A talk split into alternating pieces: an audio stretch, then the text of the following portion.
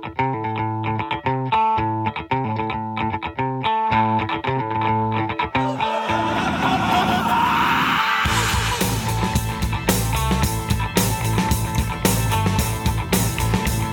velkommen til en ny episode av Filmfrelst. Eh, Mitt navn er Karsten Meinick, jeg er redaktør på montasj.no. Nå er det, som dere hører, ikke Martin Sivertsen som introduserer episoden, og da betyr det at det er en spesialepisode som vi av og til lager. Vi er ute i felten. Denne episoden skal handle om noe så spesielt som tidenes beste filmer. Og vi har et litt eh, spesielt eh, tilfelle og en helt spesiell gjest. Joakim Trier, velkommen. Ja, Tusen takk. Det er eh, første gang jeg er med på dette her, så dette er spennende for meg også. Det føles på en måte naturlig og godt å endelig ha deg om bord i et panel på Filmfrelst. Av de menneskene i filmbransjen i Norge som jeg kjenner til, så er jo du en av de som er mest glad i å diskutere film. Så det føles på mange måter naturlig, men eh, kanskje dette var den episoden som virkelig meldte seg. Ja, altså Det er veldig hyggelig å bli spurt. Jeg følte vi har et tema her i dag som er liksom hvor det er litt sånn relevant og nesten umulig, det vi skal gå løs på, som er å snakke om topp ti-lister og de beste filmene i historien. Under parolen som filmfrelst. Det er vi jo alle sammen. men eh, men man ender fort opp når man skal snakke om hva man liker, og egentlig føler at man bare utelater så mye man er glad i. Så det blir spennende dette her. Og det blir kanskje spesielt vanskelig for deg, Lars Ole Kristiansen, redaksjonsmedlem i Montasj, som er så glad i å snakke om filmer du liker at du nesten aldri klarer å avslutte setningene. Nei, jeg er ikke så god til å, på å begrense meg. Det er kanskje også noen filmfrelstlyttere merket seg opp gjennom Ja, årene. det var derfor jeg så, tenkte- så dette blir jo et, uh, en utfordring. Men jeg har, jeg har forsøkt eh, å, å, å meisle ut en liste, jeg også, som vi alle har. Ja, jeg skal si litt om bakgrunnen for dette da, altså til dere der ute. Det er blitt kåret de beste filmene i verden i år av det britiske filmtidsskriftet Sight and Sound. Det gjør de hvert tiende år. Du skal fortelle oss litt mer om bakgrunnen for den listen, Joakim, siden du har fulgt den tettere enn oss. Men det var en liste som skapte stort engasjement. Vi fikk også e-post fra lesere og lyttere som lurte på hva vi hadde tenkt å gjøre med dette. her. Eh, Blant annet Espen Nomedal, som jeg vet at eh, lytter til Filmfrelst, og lurte veldig på hva vi kom til å gjøre på den eh, listen. Og vi lurte litt på det selv. Eh, og så kom vi jo på at vi hadde vi, hadde, vi møtte deg, Joakim, på Cinemateket før sommeren, da det var sånn eh, Antonioni-serie.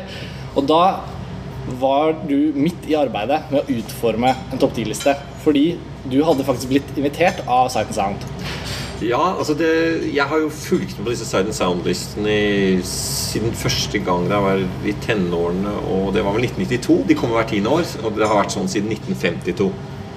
Og de er jo egentlig bare Så slår man sammen listene fra individuelle kritikere og regissører rundt omkring i verden som blir invitert til dette her. Og så kan man diskutere sånn litt hvor er holdningen til filmhistorien for tiden. Og man ser jo fra tiår til tiår at ting forandrer seg.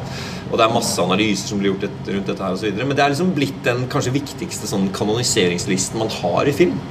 Så når jeg plutselig da ble invitert i år til å komme min liste og bidra til dette her, så, var jeg, så følte jeg meg veldig beæret. Eh, og, um, og jeg må jo si bare innledningsvis egentlig at jeg, jeg var veldig ambivalent.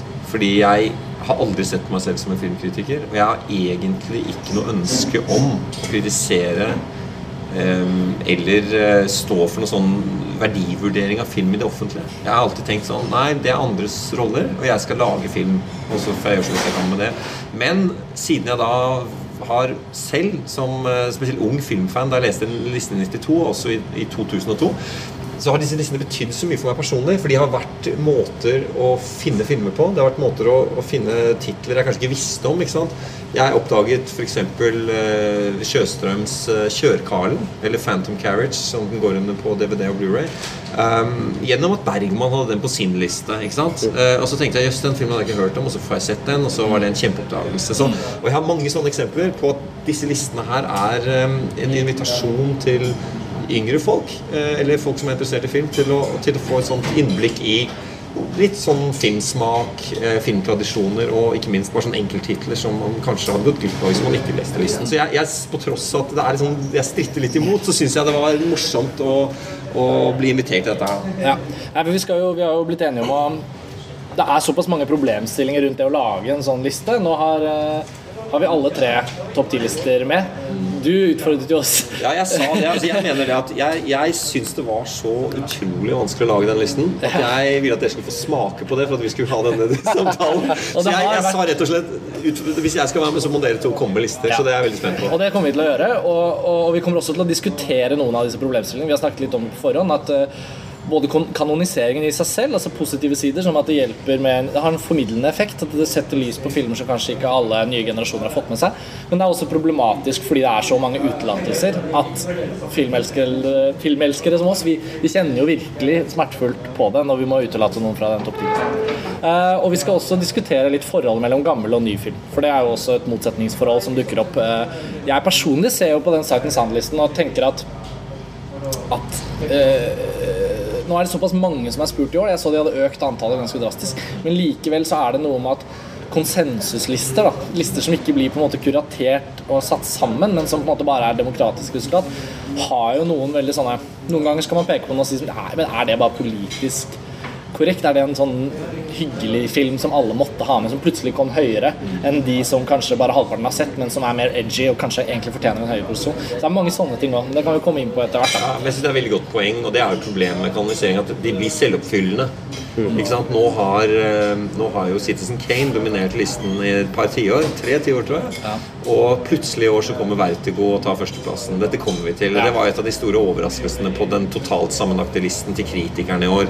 Og sånne ting eh, skjer jo, men tendensen er jo at det er mange av de samme filmene som dukker opp. Um, og det har jeg tenkt masse på. liksom sånn, Hva er mandatet? Hva er oppgaven? Skal jeg være sann mot meg selv, på en måte? Og det er jo ikke lett, det heller. Skal man være eh, opptatt av det filmhistorisk leksikalske og nevne alle de filmene som på en måte utgjør filmens utvikling? Eh, Skal man passe på om man representerer mange sjangre, mange nasjonaliteter, flere kjønn, altså eller de to kjønn?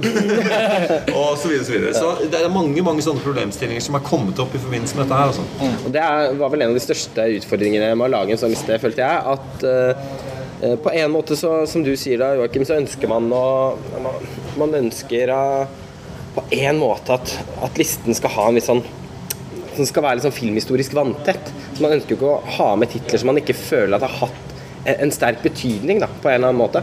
Samtidig som hvis man skal begynne ikke sant, ta med Panserkirsan Potemkin, 'Birth of a Nation', så, så, så, så, beveger man seg inn i en tunnel som, som blir veldig vanskelig å komme ut av.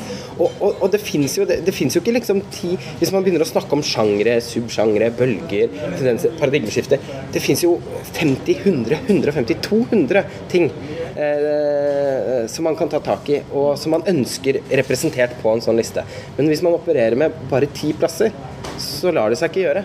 Og Da må man finne en slags mellomting. Man må på en måte være sterkt personlig, samtidig som man ønsker å at det skal være litt hold i de personlige valgene. Da. At det ikke blir, det ikke blir privat, på en måte. Eh, så Men det er en utfordring som jeg har tenkt mye på, er, er Blir dette et slags selvportrett, litt grann, i, i, som en filmfan?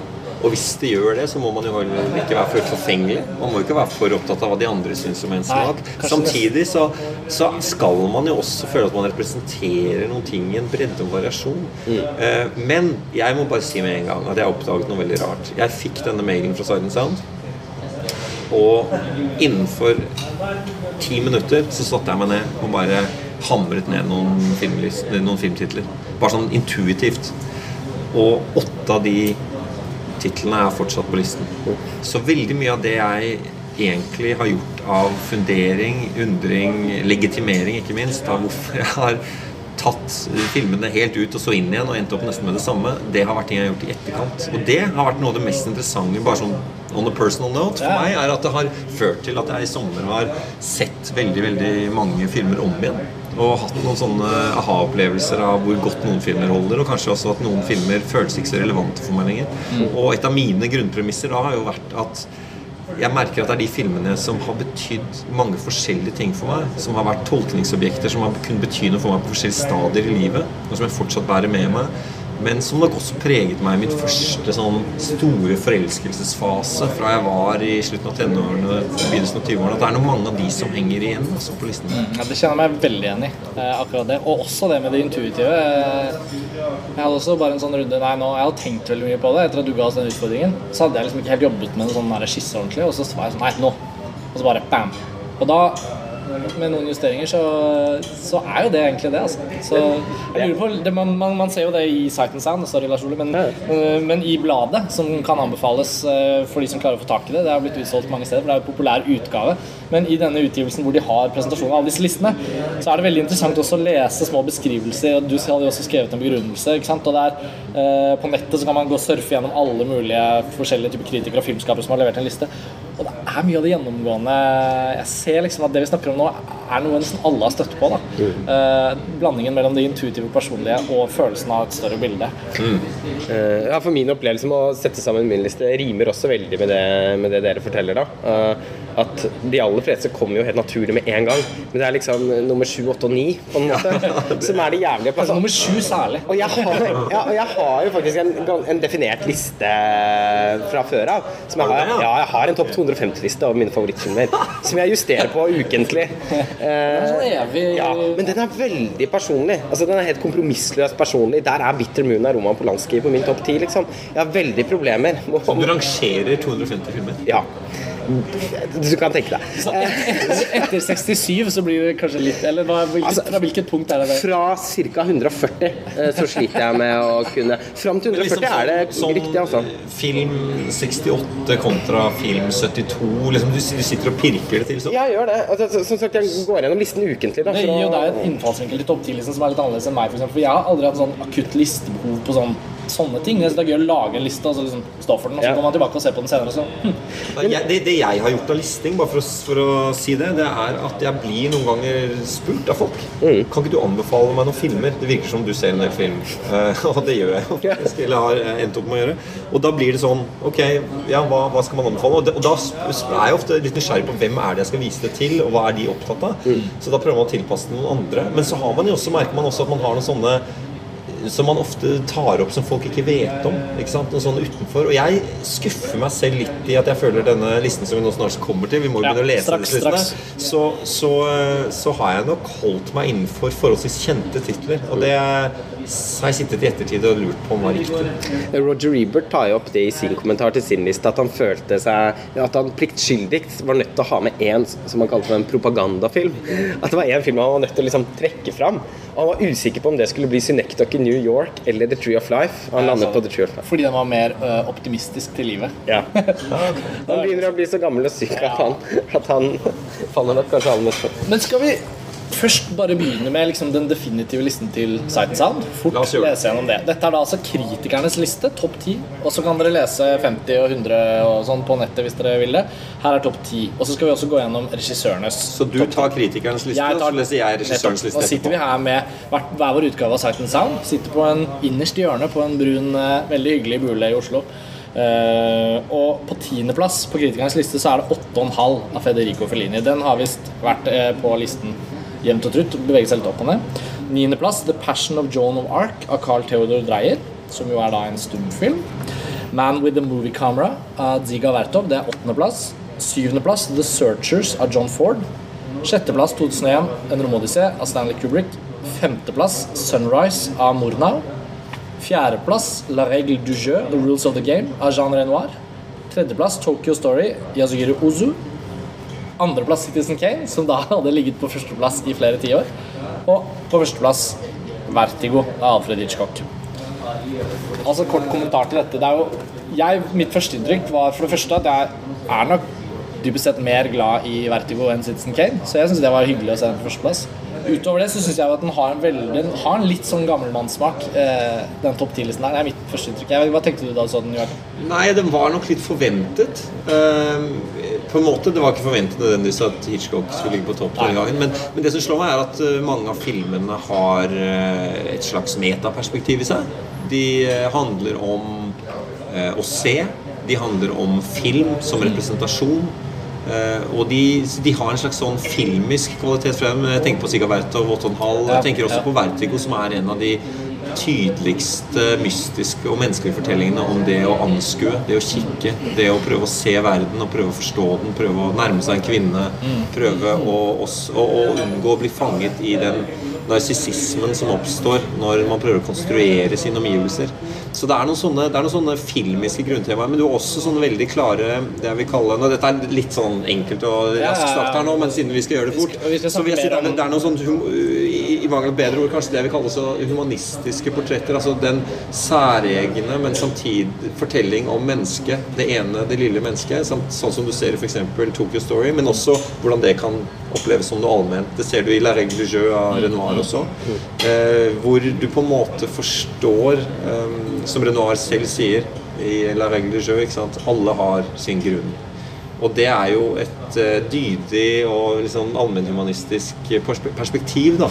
Som jeg mener Ozu f.eks. har i Tokyo Story, hvor du forstår veldig mange karakterer og deres grunner til å gjøre det de gjør, men samtidig så ser du hvor vanskelig det er å være mennesker sammen. Og du har en sånn ærbødighet og kjærlighet da, for, for disse karakterene. Så denne eh, humanistiske karakterobservasjonen ser du også gå igjen på listen i flere filmer. Men man kan nettopp si at eh, den har jo både en del, altså både Renoir og Osu, som er veldig sånn humanistiske filmskapere, da, kontra, kontra Alfred Hitchcock og i og for seg Orson Welles.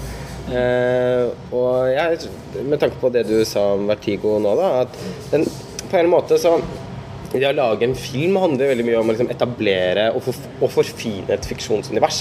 Det er nesten også en del av tematikken i den Pygmalion-myten som står så sentralt i Vertigo. da, eh, hvor, hvor hovedkarakteren hele tiden ønsker å forme, forme omverdenen sin.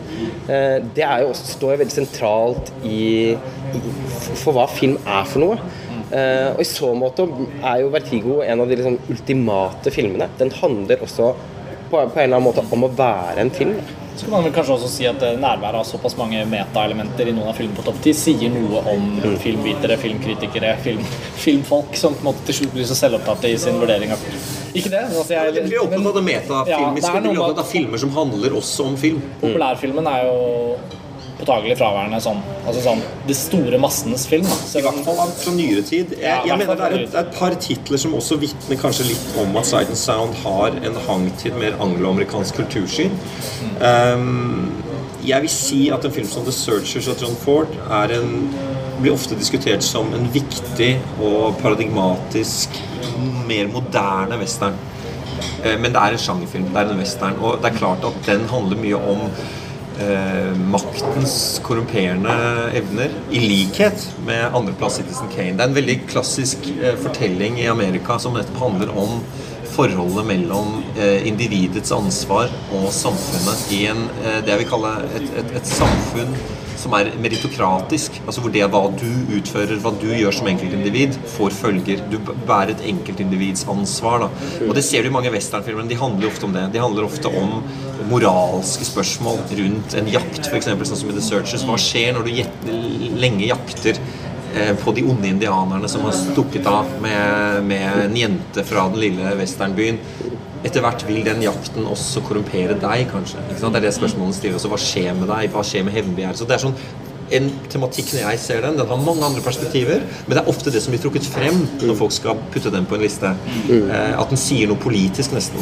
Um, og, det, og det merker jeg at den er ikke på min liste. Men jeg beundrer den. Jeg har lyst til å ta My Darling Clementine, eksempel, hvis jeg skulle valgt en Ford-film. Men, men det, er, det, det føler jeg er sånn typisk sånn en angloamerikansk. Og det er også litt med Citizen Kane, eh, maktmyten. Men det jeg syns Citizen Kane har så veldig tydelig, det er jo um, det at den på en måte er synte syntetiserer alle filmspråklige muligheter opp til det punktet, ville mange si. Ja. Den har så mange forskjellige fortellerteknikker som virtuost viser oss. Virkelig. Så den blir en slags sånn leksikalsk eksposé av Se her hva film kan gjøre. Og det er jo også derfor den fortjener en plass på listen. Ja, og det er morsomt at både den og uh, La Règle de Sjø fortsatt holder For meg er, de, er det veldig mange lik, likheter mellom de filmene. Kanskje ikke tematisk, men i hvert fall som du sier, at begge to er nesten sånn oppsummeringsverket. Nå kommer jo Renoirs film faktisk før Orson Welles sin. Den har jo nesten ikke fått nok anerkjennelse for hvor mye den leker med filmspråket før Citizen Kane. Men begge de to filmene er jo liksom det var et sånn kvantesprang eh, for filmspråket da, som fortsatt sitter veldig sterkt i veggene. Som er litt, det er, det er ufravikelige filmer. Man kommer ikke, man kommer ikke utenom Citizen Kane. da. Men den er, den er ikke på minus. Nei, ikke sant? Nei, men det er- er ikke på Ikke det er sant. så det, det det var, jeg skulle akkurat til å si det at akkurat nettopp det er jo paradokset når vi skal diskutere grunnene til å velge ut våre egne ting. For jeg syns jo da at uh, oppsummeringen Nå skal vi jo høre hva regissørene har valgt Uh, fra sin topp ti, for det er litt annerledes. Men det er utvilsomt for meg at eh, oppsummeringen av alle stemmer eh, på en måte vasker vekk noe av det personlige og utkrystalliserer en slags sånn Men, men, på en måte en slags sånn selvsagt filmhistorisk én til ti. For å være litt sånn slem med den, så føler jeg liksom ja, jo, de burde man se.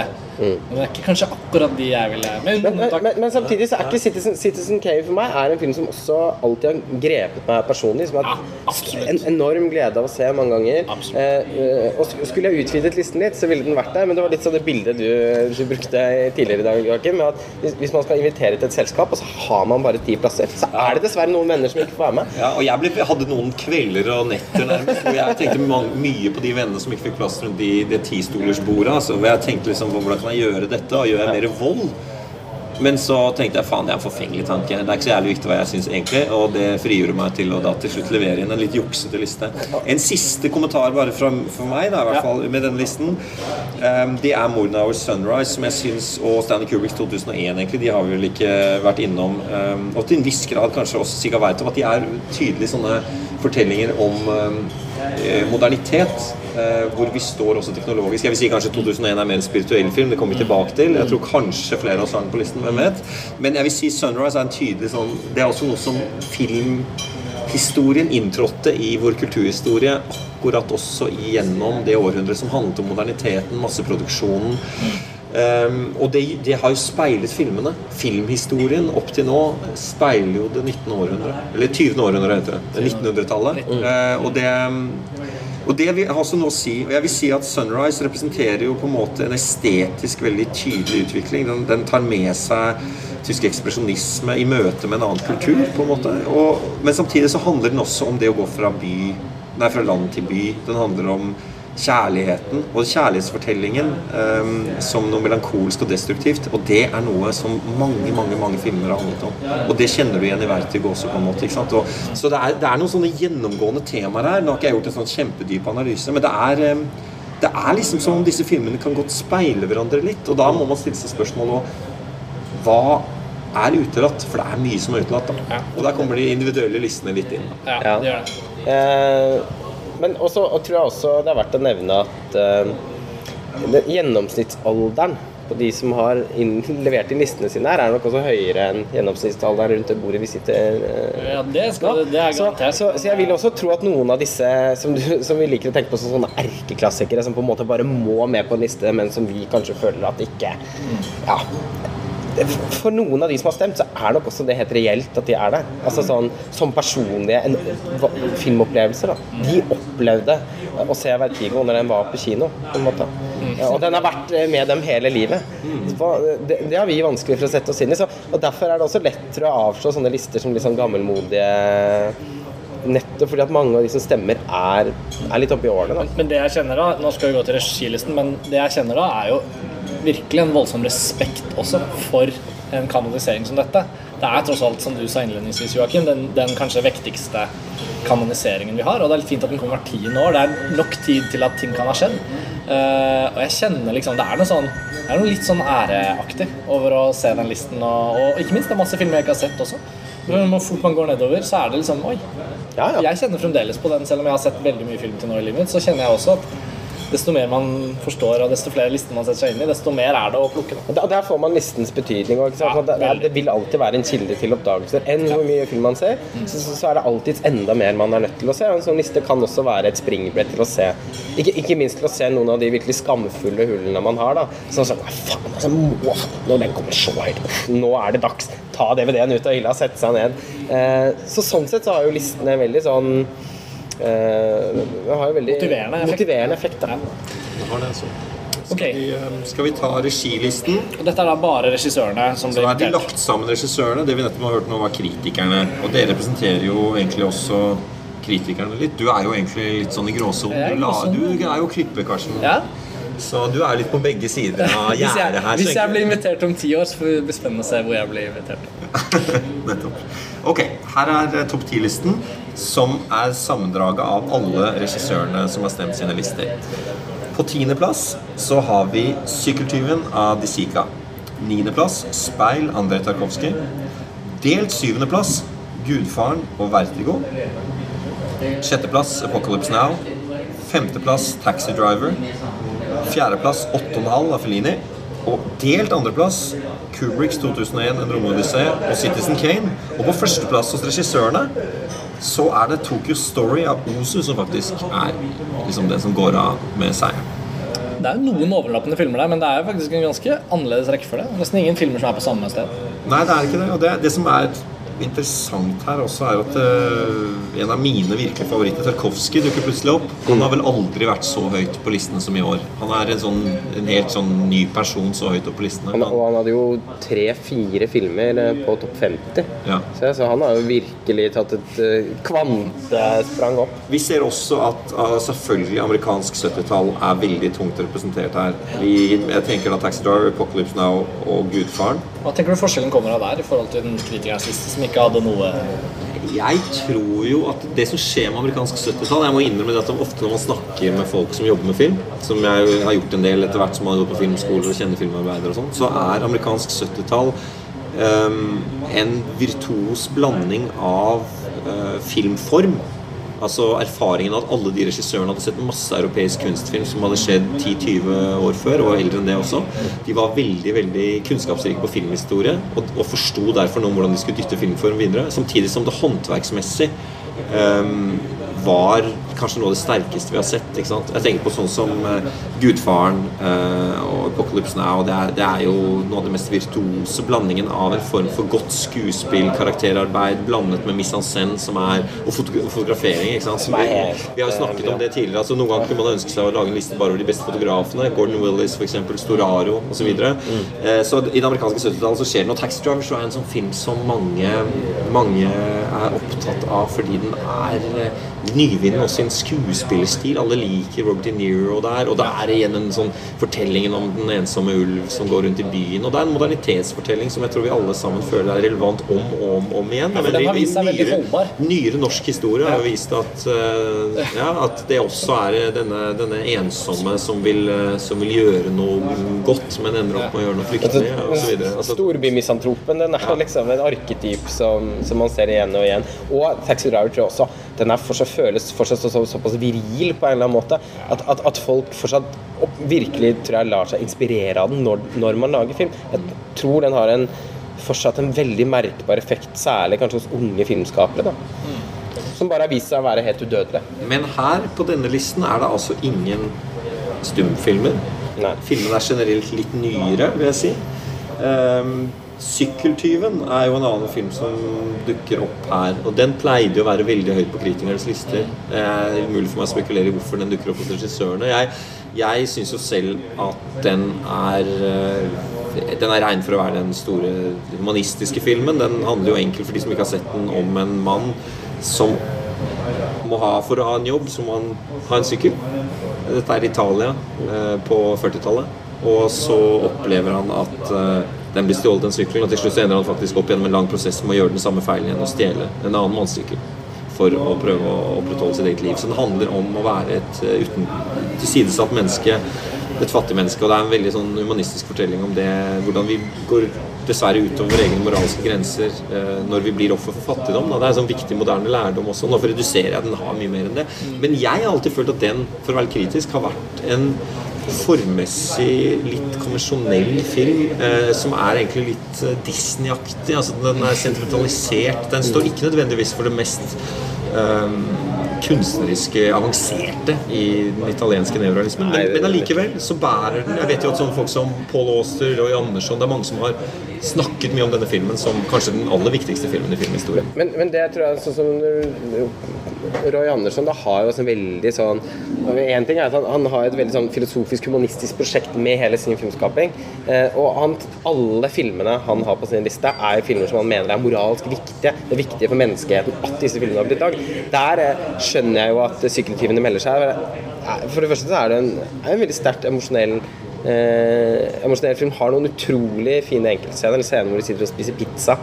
Eh, avslutningen hvor han skuffer, hvor han skuffer det, altså Dypet av hvor, hvor, mye han skuffer sønnen sin når han stjeler den sykkelen. Altså, det er det umulig å ikke la seg berørt av. Men når du nevner Disney, da, så, så klarer jeg ikke å være helt uenig i det. Og jeg syns også filmen, så filmspråklig sett, er, oppleves veldig konvensjonell. Ok, den er skutt veldig mye totalbilde, lange tagninger, det er veldig distinkt fra neorealisme.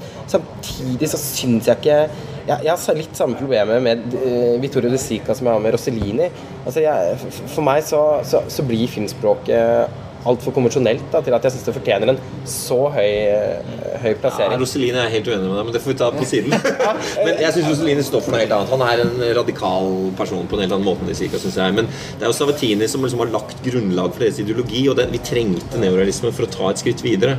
Så, men, men uansett, jeg, jeg, de er ikke eh, så radikale kanskje med sin mise en scène på den måten som vi har opplevd den Antonioni og Fellini være 10-15 år senere. Så på en måte det kan man diskutere, men på en annen side så er uh, ut på gaten, skyte med amatører, håndholdt, her er tilstedeværelsen og byen, vi blander dokumentarisme og fiksjon.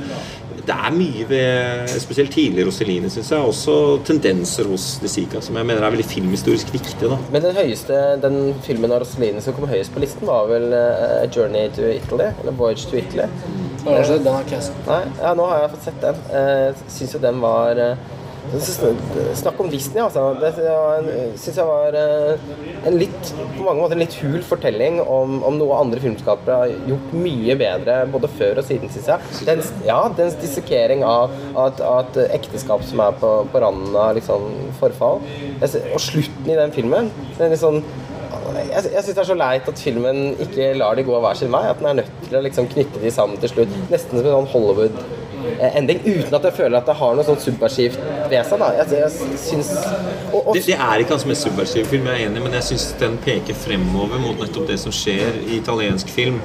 Eh, den er jo fra 50-tallet, og det som skjer eh, på 60-tallet med Antonionis middelklasseportretter Du ser f.eks. også Spasolini, tidligere Bertolucci. Altså fortellingen om eh, ja, For å si det veldig enkelt eh, Den eh, sånn postindustrielle generasjonen med velstående mennesker som begynner å få eksistensiell angst og ikke lenger klarer å være i relasjon med hverandre og sånn, som dere kommer til å se deg mye på min liste. Den ligger litt i bresjen for det. Så jeg syns ikke den er irrelevant på noen måte, men nå blir vi veldig spesifikke på film som ikke er på listen. Nå skal jeg prøve å oppsummere, fordi jeg, jeg tenkte på det mens dere snakket. Altså. Det, det disse eksemplene viser, er jo også øh, motsetningsforholdet og balanseforholdet mellom å forsøke å forstå filmene i den settingen de ble laget i, og hvilken betydning de har hatt for oss som har kommet etter. Så vi kan jo gjerne, Jeg kunne jo fint føyd meg på i forhold til sykkelturen og Liksom, jo, den har den litt sånn Disney-feelingen, men Disney holdt jo ikke på med det, da. Nei, og Disney er kanskje også viktig. Ja, altså, jo, jo, jo, jeg er en av de mest Jeg skjønner det. brutalt utelatte Ja. filmskaperne. Jeg har vært sjokkert. Og, og, og Disney. Får du plass til to Hayao Miyazaki-filmer, kanskje til og med tre, Ja. eh, så, så har du faen meg plass til en Disney-film. Ja. Så, så, så skal, man, skal man trekke fram de Pinocchio, som har liksom. blitt Skal man trekke fram uh, det som De som har kunnet liksom eh, eh, destillere det som har blitt gjort før, frem til et produkt som man kanskje setter mer pris på? Eller skal man sette pris på det som er originalt, på en måte, eller en opprinnelsesstedet for et visst type uttrykk, en type å fortelle film på? Det er en veldig interessant problemstilling. En annen problemstilling vi merker når vi diskuterer nå, det er hvor sitter følelsen og tematikken i filmene? Altså, for eksempel så syns, har jeg en tendens til å mene at det skal være noe um, form-innholdssammenheng i en film som skal være litt uatskillelig. Jeg mener f.eks. at 2001 er ikke en dialogbåret film. Den er et mesterverk fordi den prøver å finne et nytt filmspråk. Den prøver å nå det andre i gåseøynene, altså noe, noe nytt, noe originalt. Um, samtidig som den føles som den, jo lenger den kommer inn i abstraksjon, jo mer nærmer den seg også noen sentrale menneskelige spørsmål rundt eksistens, eh, opphav, religiøsitet eller ikke, eller ateisme, eh, vitenskapens begrensning osv. Altså, Noe ting som er veldig sånn som vi alle sitter og tenker på fra vi er små og utover i livet, i hvert fall det samfunnet vi lever i. Eh, og, og, men den gjør det gjennom langsomt å ta oss fra spennende, mystisk science fiction-film dypere og dypere inn i abstraksjonen. Ikke sant? Så da mener jeg at det er noe sånn formmessig, fortellermessig ved den som, som løfter den over vanlige filmer. Det er ingen filmer som ligner på den. Den er veldig unik Ja. og annerledes. Og til og med nå så vil det være helt klart man kan si at ingen vil kunne gjøre 2001. Uansett hvor den kan, moderne den kan heller ikke helt reproduseres. Nei, nettopp. Men, men den er ikke en karakteridentifiserbar, uh, veldig emosjonell eller sentimentalisert film. Det er ikke den man kan si har den største emosjonelle slagkraft i forhold til å vise et individ, et menneske, et skjebne osv. Det er ikke der dens Nei. force ligger. Og det merker jeg sånn Sykkeltyven har en veldig sånn menneskelig nærhet. Og det, det er Tokyo toppen, Story Tokyo. Story, der jeg tenker at Tokyo Story har jo det formmessige er veldig dydig i den. Mm. I Tokyo Story er det ett, eh, ett eh, tracking-skudd, altså ett bevegelsesskudd. Mm. Resten er statiske frames. Det er, det er veldig klokt klippet. Det er veldig godt sett. Ingen vinkel er tilfeldig, så den er formmessig veldig um, sofistikert. Men den er ikke um, Tokyo Story tror jeg handler mer om, vil jeg spekulere, i hvert fall det jeg liker ved den veldig godt, er gjenkjennelse av relasjoner. Og de vanskelige tingene vi opplever i en familie som er veldig allmennmenneskelige. Og Det er morsomt at en japansk film slår sånn igjennom i et britisk magasin på nettopp det feltet. Det er det er veldig fint. Altså, Ja. Film kan transcendere kultur litt òg. Det er fascinerende. Altså, vi, vi satte oss ned og så Jeg husker så veldig godt en dag fra filmskolen hvor eh, klippelæreren vår hadde liksom, snakket litt om noen filmer, og, og så var det to der veldig spesifikt som jeg merket jeg ikke hadde sett, og som jeg følte var store hull. Eh, så vi i klassen ble veldig enige om at ja, la oss sette oss ned og se de da, to dager på rad, liksom. Og det var da Tokyo Story og La Regle du jeu. Eh, og det var liksom sånn for meg var Tokyo Story overlegent. Eh, Jeg falt ikke helt for den noir-filmen, i hvert fall ikke første gang, men, men Tokyo Story var altså sånn i Japan, i svart-hvitt, gammel, for så vidt sånn i hermetegn gammel, gammel film. Men hvor nært man kom på og relaterte seg til de relasjonene, det var skremmende effektivt. Liksom. Det var sånn, oi, det er ikke så rart at den kommer så høyt. Nei, men det har, også det har noe å gjøre med at det er så lite forstyrrelse der. da. Det er, altså, det er så destillert filmspråk. Toso, kamera nede på bakken, gjerne skutt i totalbilder, lange takninger. Han, han stripper vekk alt. Han bare lager et rom hvor han tillater at vi kan komme helt inne på de personene, se de sitte og fikle med tekoppen, selv om uten å være insisterende av den grunn. Det er nok noe der som, som jeg tror aldri kraften til den filmen eh, blir litt sånn udødelig, da. Jeg, jeg syns kanskje det er rart eh, Det er alltid syns. eh, At, at den regnes som såpass overlegen Late Spring. Fordi Late Spring har også en sånn grunnfortelling, en sånn menneskelig grunnfortelling som jeg kanskje syns man har sett at sett enda mer av senere i filmhistorien. Altså eh, denne faren som, som, eh, som sliter med at datteren skal forlate hjemmet. Det ser man jo i Claire Denise i 35 Shots of Room, og man ser den i altså, Nils Malmros eh, sin film 'Skjønnheten og udyret'. Det, det, det, sånn, det har for meg blitt en sånn veldig sånn eh, grunnfortelling i, i film. da Så jeg syns kanskje det er rart at den er såpass mye lenger nede på listen. For, for meg så er den faktisk også emosjonelt enda sterkere enn Tokyo Story, om det er tidligere. Men her tror jeg vi er inne på noe som vi kanskje har følt på alle sammen når vi skal lage en liste. At vi prøver Vi må liksom ta et valg. Vi vil gjerne velge noe av regissører vi liker. Uh, og så velger stort sett nesten ingen uh, to filmer av en regissør. Ja. Sånn er det. Og det har, det har ikke jeg gjort heller. Men, eh, eller har jeg? Det, vi kommer til det. Eh, Dette er vel innledningen ja, din, da, kanskje? Ja, ja, men det er kanskje det. Men, men det som er veldig vanskelig, det er liksom å velge den ene. Altså, jeg kan ta et eksempel fra min liste som vi får om litt. da F.eks. For eksempel Antonioni. Da er det helt åpenbart at La Laventura er den som pleide å være den Antonioni-filmen man liksom heide på i fellesskap, og som alltid endte opp oppe på topp ti-lister i de sammenlagtlistene også. Så har det en senere tid kanskje blitt mer og mer Leclis. Altså jeg, ofte, jeg kan liksom være enig i at Leclis kanskje er det sterkeste Antonioni har gjort. Men så er det da et eller annet med at La Notte er den jeg puttet på min liste, for den, er den, den har rammet meg veldig nært. Jeg syns den er så perfeksjonert i sin enkelhet.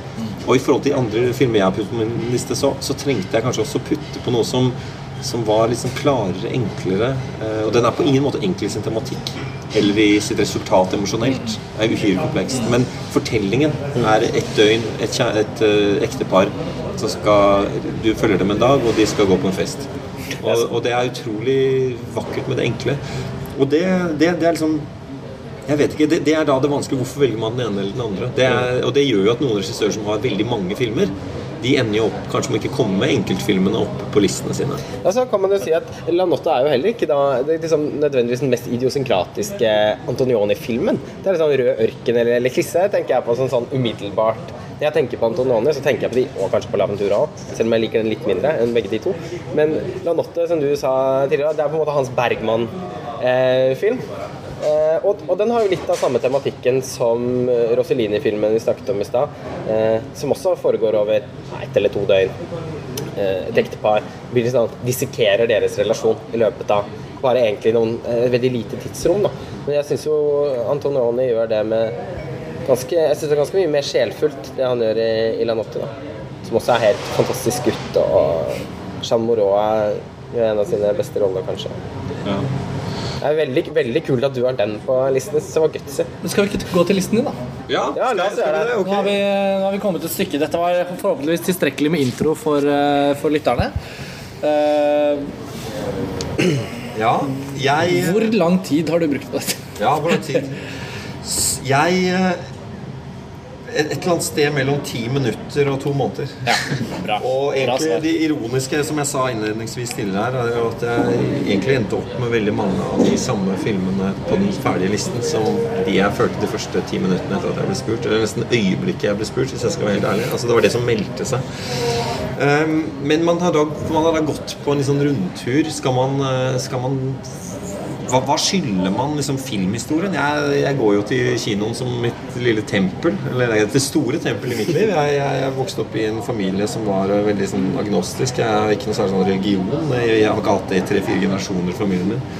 Så film for meg er blitt et sted hvor jeg også går og søker svar og undrer over livet og masse sånne ting. Eh, Det har også vært et sted hvor jeg har liksom trent mitt yrke. Jeg har liksom beundret og, og undret veldig på hvordan folk fikk til ting, hvorfor folk fikk til ting, hvorfor hadde disse bildene den effekten osv. Jeg har brukt årevis av livet på bare spekulere og dissekere og kikke og undre og alt dette her. Så hvordan i all verden skal jeg oppsummere alle de filmene? Jeg har hatt mange perioder i livet mitt hvor jeg har sett en film om dagen minst. ikke sant? Eh, Og fra å være yngre og være veldig opptatt av å kanskje formidle at jeg visste mye om film, så har jeg mer og mer slappet av og vært mer kanskje opptatt av å prøve å søke filmer som ikke nødvendigvis var de mest kjente og kanoniserte, men et sånt indre ønske om hva er filmens mulighet? da? Hva, hva er det film kan gjøre som er spesielt som, som kunstart? Eh, Det, det er liksom, og det, det er ikke det at film på død og liv skal ikke låne andre ting. Film er jo også et gesantkunstverk. Vi låner jo fra malerkunsten, foto, musikk, teater, litteratur osv. Men, men det er liksom et eller annet med disse filmene som klarer å fungere på mange nivåer. Så du kan se dem mange mange ganger i løpet av livet, og fortsatt så betyr de noe nytt. Kanskje kan du reoppdage den og tenke Faen, jeg oppsummerte denne filmen for ti år siden handlet om det, men nå handler den om noe helt annet, og den er fortsatt like god. Det syns jeg er spennende. Så jeg, jeg, jeg tror jeg bare rett og slett leser opp listen min. Så kan jeg, hvis dere orker å høre på det, snakke litt mer om det. Absolutt. Veldig gjerne. Ok. Ehm, jeg har nå puttet den ned i en viss rekkefølge uh, som er tilfeldig. Trodde jeg helt til jeg så at jeg hadde trykket den alfabetisk i, i magasin, eller på nett. da Og da oppdaget jeg at plutselig listen føltes annerledes. Så Karsten, du som er klipper, klipper, du får forklare meg hvorfor. Men det er akkurat som om Nå leser jeg den opp i den dramaturgiske rekkefølgen jeg da Det er det, det, er, du- det er det assosiative. Det er alltid det. Det der, Du starter med en, og så begynner du å tenke hvordan var den igjen, og så følger du neste, og så tenker du å, er den bedre enn den? Jeg har ikke rekkefølgen her. og Så, Men så på, på deres side, da, i motsetning til Ja. Sound, så må dere love meg at hvis dere skal trykke disse her, så Yes. trykk den i den rekkefølgen jeg nå da leser. Ok. Da begynner vi med Speil, 1975, André Tarkovskij. Så har jeg eh, Vertigo fra 1958 av Alfred Hitchcock. Så har jeg Hiroshima Mon Amour fra 1959 av Alain René. Jeg har La Notte fra 1961 av, eh, av Antonioni. Så har jeg Annie Hall fra 1977 av Woody Allen. Åtte og en halv fra 1963 av Fellini. Persona 1966 av Ingmar Bergman. 2001 En romodyssé fra 1968 av Stanley Kubrick. Goodfellas 1990 av Martin Scorsese. Og så har jeg juksa. Jeg har skrevet Robert Bresson øvre. Dvs. Si regissøren, franske regissøren Robert Bressons totalverk. Alle hans filmer. Åh, og det er jo skikkelig juks. Jeg har rett og slett ikke greid det.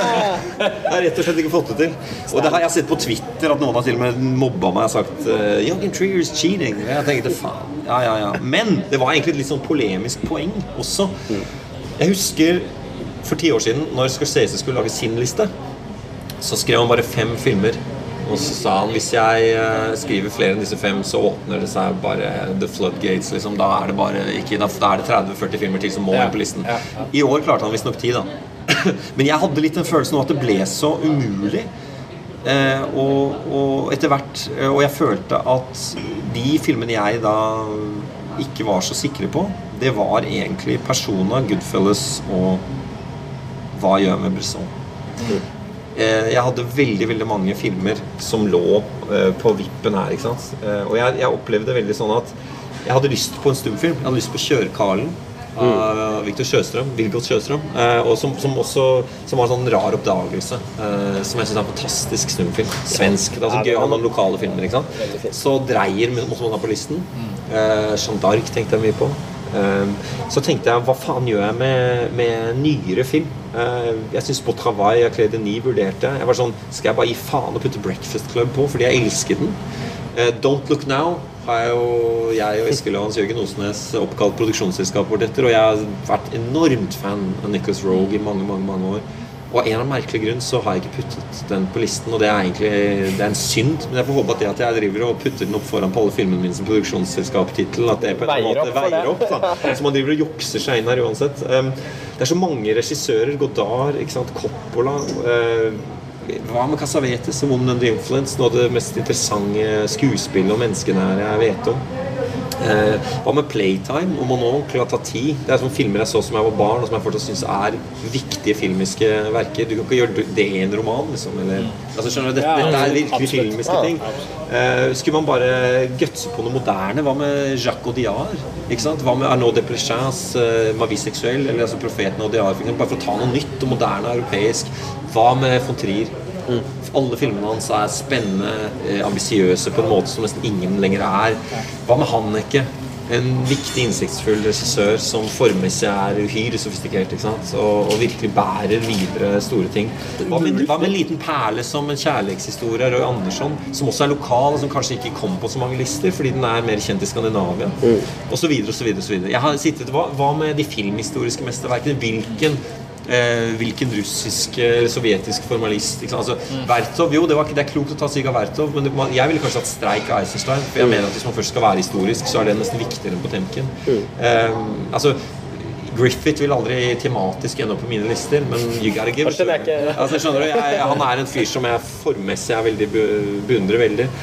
Og så videre og så videre. Det er så mange. Men det, ikke sant, det vi hører nå, er jo det umulige, som vi kjenner oss veldig igjen i. Ja, Eh, Men, eh, men det er samtidig Hører listen din, så er det jo på en måte Den er rimelig solid, vil jeg skal, det? Ja, det vil jeg si, hvis jeg skal komme med noen kommentar. Eh, men eh, Ja. har, du lyst, ja, har du lyst til å liksom snakke, si litt om hver film, eller? Ja, jeg kan godt prøve å gjøre det kort. Vi kan altså, jo man kan kime inn til- litt sånn underveis. eh, Ja, vær så snill å gjøre det. Ja, vi har jo et, det er, vi har jo litt selv nå. ja, og vi har jo litt overlappende filmer også. Det Så Kan ikke dere, dere få slenge dere på, da. Så skal jeg, men det, det jeg merker Jeg prøvde å analysere det, som jeg sier. Altså, igjen i livet vi eh, avslører oss selv gang på gang på gang. Ikke sant? Vi gjør ting intuitivt, men det har, kommer kanskje fra et sted, og så prøver vi å skjønne oss selv. Da. Det er jo litt det som har skjedd her for meg. Jeg merker at det er jo noen sånne filmiske, tematiske ting som går igjen her. Det er ofte det er noen ting som er eh, minne. Minner i film. Reproduksjonen av ting. Drømmen. Altså forestillingen. Der er det noe. Det er noe med representasjon og identitet. Hvordan viser mennesker seg selv? Hvordan viser karakterer seg selv? Hvordan viser man mennesker eller tilstander? Det er noe med representasjon som gir seg selv til film. Det er også noe med det taktile. Altså det vi kaller det mimetiske. Det å, sånn er verden. Sånn ser et tre ut i vinden. Sånn er mennesket når det opplever sorg. Eller sånn, sånn, sånn ser gresset ut om våren. Eller, altså sånn konkret, fysisk. Sånn er verden. Det er også veldig filmisk å være nysgjerrig og utforske det. Um, og så er det liksom de der eksistensielle tingene merker jeg er trukket mot. Altså, de tingene som jeg tror film kan si hvis man bryter formelen litt. Det at film kan stille oss overfor oss selv på en litt annen måte um, enn det konvensjonelle filmspråket liksom bare døyper oss til å lære. Noen vil jo si at man skal være klassisistisk. Jeg kan jo f.eks. si uh, at det er jo ja, John Ford, er- Jeg ser jo at det er virtuos. David Lean. Det er veldig sånn virtuose filmer. Men det er akkurat som jeg savner litt bruddene. Jeg savner radikaliteten. Det at de, de tør å si til meg du skal ikke føle deg helt hjemme i meg som film. Du skal også dyttes litt ut. Du skal bli tvunget til å tenke. Du skal se filmen som noe som gir motstand også litt. Det merker jeg preger meg litt i disse filmene Der her. syns jeg David Lean er et ganske godt eksempel. Plutselig, Jeg hadde ikke tenkt på det, men, men sånn som Lawrence of Arabia, som er hvor bra som helst, liksom, og som jeg har sett på 70 mm hver gang det har vært vist på 70 mm-festivalen, og som er et sånt nedslag av en film. Jeg har ikke vurdert det engang. Og den, Uansett hvor og godt jeg liker den, det er noe med at den er så Den har ingen, den har ingen utfordringer. den hadde et ganske kraftig nedrykk i Sight Sound Ja. det året, så, men det, det kan Men, men dette er, også, dette er også kulturspesifikt Ja, ja, ja. for filmsyn. Ikke sant? Ja, her avslører vi oss. Her, her, her setter vi noen verdier over noen andre. Det med. Men altså, for, for det har noe med å gjøre med det at altså, når Lawrence of Arabia slår imot deg, så er det også litt en bølge av Nå banner jeg i alle kirker. Litt en bølge av tomhet. Eh, sammenlignet med Du mener tom Spy. som ørkenen? eller? Tørr som Ja, men sånn i motsetning til Altså når speil også, da, at Tarkovskij også slår imot deg, eh, så, så, så slår den imot deg med en helt annen type kraft, da. Jeg synes Når du snakker om det taktile, eh, snakker jo liksom jeg synes sånn, nesten sånn, Hvis man har en sånn fenomenologisk inngang til filmen, det å liksom oppleve verden, så er jo det en av de mest sånn En av de mest essensielle sanseopplevelsene man kan men, få. men det leder meg rett inn på speil, som jo var liksom da skrevet først på min liste. For Ja. jeg enig i det du sier. Det er noe veldig som jeg har syntes siden jeg var barn, egentlig veldig spennende med film. I måten man um, Hvordan er det å se på noe? Hvordan er det å være noe? Sånn helt Den fenomenologiske, som du kaller den. Det å bare oppleve tilstand, væren, det konkrete. Det å stå overfor verden som den fremstår for oss. På det mest sånn fundamentale så tror jeg film som kunstform kan gå i møte med det spørsmålet. Det tror jeg. Det er virkelig. Eh, Så vil noen si ja, hva mener man med det? Er det dokumentar, det da? Ja, ja og nei. Dokumentar fiksjonaliseres, og fiksjonsfilmer filmer også et tre som en dag faller. Men da det fantes, og det fins på filmen. Altså Det er noe rart med det der. Eh, I speil så har jo Tarkovskij prøvd å lage et supersubjektivt portrett av et menneske, hvor selve den personen egentlig er litt fraværende i bildene. Det er som minner, en kollasj eller sammensetning av minner, steder, andre karakterer, som smelter sammen. Første gang jeg så speil, så syns jeg nok på det tidspunktet, i all den åpenbaringen Tarkovskij var for meg Jeg så Stalker først. Så er det sånn Stalker burde nok vært på en liste, det ville jeg nok tenkt da. Og André Rublev for den spiritositet Det er, hvis vi snakker om David Lean, altså den gjør jo på en måte det David Lean kan. Bare at jeg syns den er For den handler om mer. for den handler om mer, og den er til og med en metafilm om den kunstneriske prosess. Um, så jeg mener på en måte så er, så er Tarkovskij Han har laget syv fantastiske filmer, så hvilken velger man? Men 'Speil' syns jeg er eh, en film som det ikke går an å si at noen annen film ligner på. Den er helt unik i filmhistorien, og den er subjektiv på en annen måte.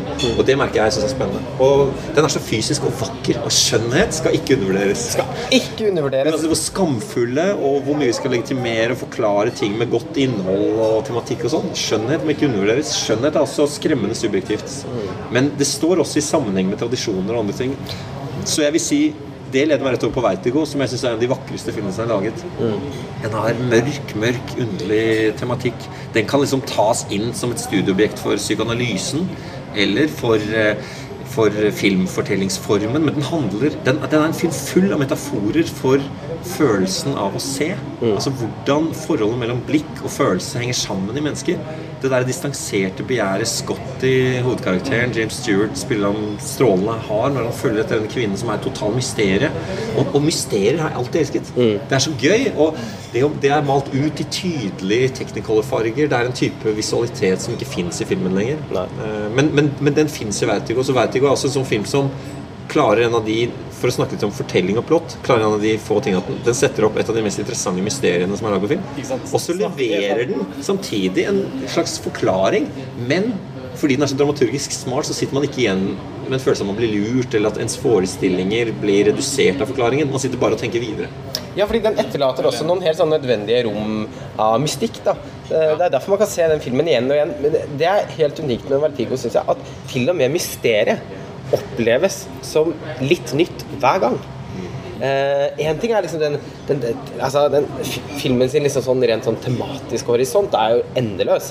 Så, så man begynner å tenke Den er så altså, snakket og nevnte så vidt i stad liksom, Pygmalion-myten som ligger der. Eh, mannens blikk på kvinnen, kvinnen som blir til i mannens bilde. Voyeurisme. Det er, det er endeløst. Det er en grunn til at dette her er alle liksom, filmteoretikeres favorittfilm. Slavoj Zizek. ja, ja, ja, altså liksom det er, det, det er ikke så rart, men, så, men derfor er det nettopp viktig For det har blitt sagt så mye om, kanskje er det også viktig å, å legge vekten litt på det du sier, at det er også en eksepsjonelt vakker film. Eh, scenene inne på Kunstmuseet, eh, som man ser parafrasert i Brian De Palma sin 'Dress to Kill', som vi snakket om tidligere i dag. Eh, scenen ute i kirkegården med alle disse eh, blomstene. Det er en veldig sånn sensuell eh, kvalitet eh, ved filmen. Kim Novak, hennes utseende, hennes kostyme, den grå drakten som hun har på seg. Den, eh, altså Måten håret hennes er på. Det er knyttet i en, noe som ligner en rose, som, som de spiller på som en grafisk match gjennom hele filmen. Det er så mye visuell rikdom der, eh, som, som også er med på å gjøre den til det den er. da Jeg er helt enig. Og den er rørende. Ja, ja, ekstremt. Og det, jeg husker jeg så den som barn, jeg ser den fortsatt, og likevel så er den like gripende og spennende. Og Man blir liksom nesten underbevisst invitert til å se den litt på nytt hver gang også, fordi den har det tematiske fokuset på blikket. Ja. Så det er noe liksom eh, Og så er det noe bare med håndverksnyvinningen, dette track-zoomet, som Ja. Ja, ja. ofte folk akkrediterer eh, Spielberg fra Jaws og sånne ting. Så det er jo, det kommer derfra, det er trappesekvensen. Ja. Hva er det han fotografen Robert Merks? Er det han, det var, Hitchcock jobbet jo veldig I den sentrale perioden av Hitchcock eh, så- sin, eh, sin karriere så jobbet han jo fast med Robert Burks, tror jeg eh, med denne fotografen. Og eh, de, de forfinet jo samarbeidet sitt hele tiden. Eh, Så brøt det med Marnie er jo den siste er den siste virkelig er den siste filmen som tilhører den eh, midt, midtfasen av Hitchcock sin karriere. Og, det, og etter det så, så brøt han jo samarbeidet med både Bernard Herman og med Robert Burks. Jeg kikket litt på, kikket litt på eh, listene til Sight Sound tilbake. Eh, Det er ganske betydelig å se hvordan Hitchcock bare Stiger. vokser og vokser og vokser. Og det kulminerer litt i år med Vertigo på en førsteplass. Eh, jeg har også Vertigo på min liste, og jeg, følte at nesten det å summere opp Hitchcock i en film, fordi jeg også ikke ville ha med to filmer av samme regissør, det, er ganske, det var ganske vanskelig, kjente jeg. Nå, nå, er jeg, føler jeg, nå føler jeg kan si at jeg har sett de viktigste Hitchcock-filmene. Kanskje med unntak av Marnie, da, som er et lite film som du har ja. påminnet meg om. Er men, eh, men sånn som Rebecca, som jeg holder veldig høyt Bare for å nevne en film du ikke Som jeg ikke har sett. men eh, Ja, det, er det er også en film man får lyst til å trekke fram, da, fordi den har noen utrolige ting som også er sånn Det, der, det rykker i den der lille nerven du beskrev tidligere, hvor du føler filmen liksom, ja, Den har noe sånn jævlig, på en måte. Ja, den, har, den har en spennende identitets- anskuelsestematikk igjen. Ja. Som jeg igjen jeg tror vi filmnerder kicker på. Jeg, jeg har litt følelse av det at det er noen filmer som handler mye om, om filmens mulighet. Ja. eh, Der. Men jeg vil også si at North by Northwest er en film jeg tenker ofte på hvis som jeg ofte anbefaler folk hvis de vil se en underholdende, god klassisk film, så syns jeg det er, noe av det, det er noe av det morsomste man kan gå og se på stort lerret. det det, er det. er rett og slett bare noe av det beste som er laget. Ja. Jeg, jeg elsker den Den, filmen. Jeg må innrømme, det er min nummer to Hitchcock. Eh, og jeg synes det var morsomt da jeg så først topp 50-listen av kritikerlisten ble publisert først. Så tenkte jeg, bare to Hitchcock-filmer. Det var jo bare Vertigo da, på førsteplass, og så Psycho. Eh, og det var minst to filmer av Hitchcock som jeg ville satt høyere enn Psycho. Så. Og så når, når hele listen kom, så var det plass nummer 51 og 52. North by Northwest, Rare Window. Kan jeg spørre dere om ting da, siden vi nå snakker litt om filmhistorie, hvor er vi i dag med disse listene, og hva ser vi tilbake på som filminteresserte folk? Uh, Det er jo tankekors at noe av det som har forsvunnet litt ut, kanskje er den blandingen av um, ambisiøse tematiske filmer som er veldig stilisert og iscenesatt. Nå vet jeg at dere er veldig sånn Christopher Nolan-fans og vil kanskje si at han bærer noe av det videre. Noen vil kanskje si Brian De Palma, men han er blitt så marginalisert. Um, veldig mye av det vi snakker om som god film i dag, hvis vi snakker om disse franske samtidsfilmene, også i amerikansk film Selv hvis du ser på en fantastisk filmskaper som Paul Thomas Anderson eh, med 'There Will Be Blood', så det han lengter tilbake til, er en mer Terence Malick-aktig eller mer fysisk. Det er nesten litt sånn det amerikanske 70-tallet som igjen refererer til de klassiske westernene i forhold til lys, sand, jorden, solnedgangen. Altså. Det er noe sånn underlig fysisk konkret. Det, det er ikke det Hitchcock driver med. Han driver med det ganske sånn iscenesatt, blikkspesifikt. Misanscenet hans er, er tegnet på forhånd-type filmspråk. Ja.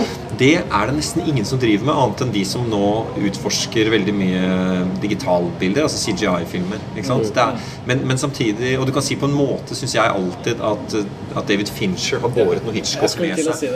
Men i den nå totalt teknologiske vanntettheten vi kan oppleve, hvor vi kan pusse og pusse og pusse på bildene våre digitalt, så fremstår noen av de videreformidlerne av Hitchcock kanskje hva skal vi si ehm, litt tørre noen ganger. De er i fare for å bli litt hermetiske. Det er liksom som om vinden slutter å blåse inn i filmene deres. Og det, den opplevelsen har jeg ikke hos Hitchcock. Så hva er dette tankekorset? Hvorfor er Vertigo liksom sett på som noe av det aller beste nå? Samtidig så er det ikke lett å spore hvor hans inspirasjon er blitt av. Ja, men jeg tror også det kan handle litt, eh, det, det kan handle litt om eh, Hitchcock sin iscenesettelse er fortsatt veldig distinkt. Han hadde jo alltid en veldig kunstig iscenesettelse. Han, han hatet jo å være ute på location. Nesten alt han skulle til studio. Han brydde seg jo ikke om, om han hadde sånn fullstendig fake backdrops og sånn, som, som han ikke brydde seg om i det hele tatt.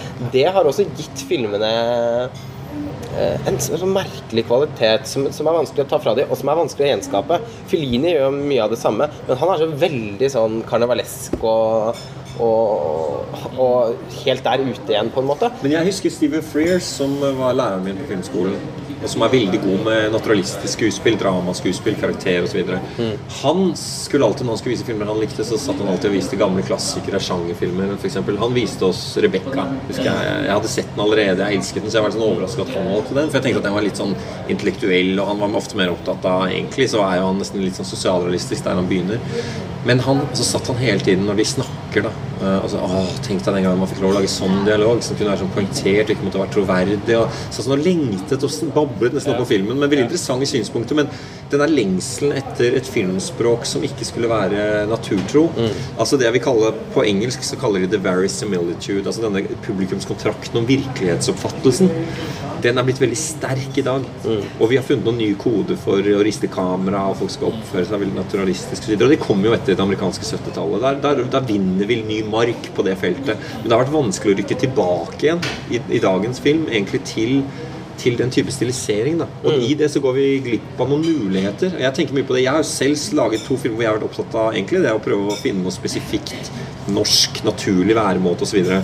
Eh, så jeg, jeg har tenkt mye på at jeg på en måte har gitt opp en annen kamp. Jeg prøver til gjengjeld å gjøre noe forhåpentligvis visuelt osv. Nå skal jeg ikke snakke om meg selv i kontekst av disse store mesterne, men poenget mitt er bare at man føler som filmskaper i dag at det er noen um, muligheter som nesten har blitt litt borte. Og det, Derfor kan man liksom se med beundrende nostalgi på Hitchcock. Fordi han får lov til å operere så tematisk tydelig og så sjangerorientert i et veldig ikke-naturalistisk univers. Ja, ikke sant? Det er sånn eh, Så forføringen Forføringen er det han bringer videre. Lynch er jo en arvtaker. Forføringsdynamikken hos Lynch er det som lager verisimilitude. Ikke det at vi sier Ja, men du, det var en godt sett dame som jobber på kafé, sånn som hun Du vil, du vil ikke at de i Lynchs univers skal snakke sånn som folk snakker. Du forventer at de skal bare Ta hele Twin Peaks, da. Eh, eller eh, altså Mulholland Drive, for den saks skyld. Hvor han liksom de, de er så innforstått med at de befinner seg i det universet. Altså det vil si Lynchs kontroll på det hele er så eh, artikulert i alt som skjer, at man, er, man vil at det er sånn det skal være. Og det er dette man ikke finner hos Fincher. Da. Akkurat som, som, som heter ordet kontrakt. Det er akkurat som man har, må forholde seg til en sånn slags eh, virkelighetskontrakt. Han må forholde seg Alltid veldig sånn naturalistisk skuespill. Han, eh, og med det så kan, kan det hende at han nettopp mister et sånn en, en slags mystikk da, som er i Hitchcock sine filmer, som er så distinkt eh, fiksjonelle, som også David Lynch eh, sine filmer er. De får lov til å være eh, helt kompromissløst være filmer. da. Eh, som Hitchcock så berømt har sagt at, eh, at hans filmer ikke er en ikke er a, a slice of life, but a slice of cake. Eh, og Veldig bra. ja, Men, men det Mer cake. Mer cake. men, eh, men jeg føler at eh, nå skal jeg prøve å komme meg gjennom den listen. Ja. Jeg skal være litt raskere. Vi- Vertigo har vært å snakke litt om. Ja, det var fordi vi sånn, har, den alle, vi har vel. Jeg vet ikke med deg, Rolle, men vi har den vel på listen nå. Ja, den er på min Ja, liste også. så, ok. da kan vi si at vi- alle har vært vi har Ingen overraskelser. Så har vi altså jeg prøver, Neste film på min liste er jo en film som ikke har en tydelig kontrakt.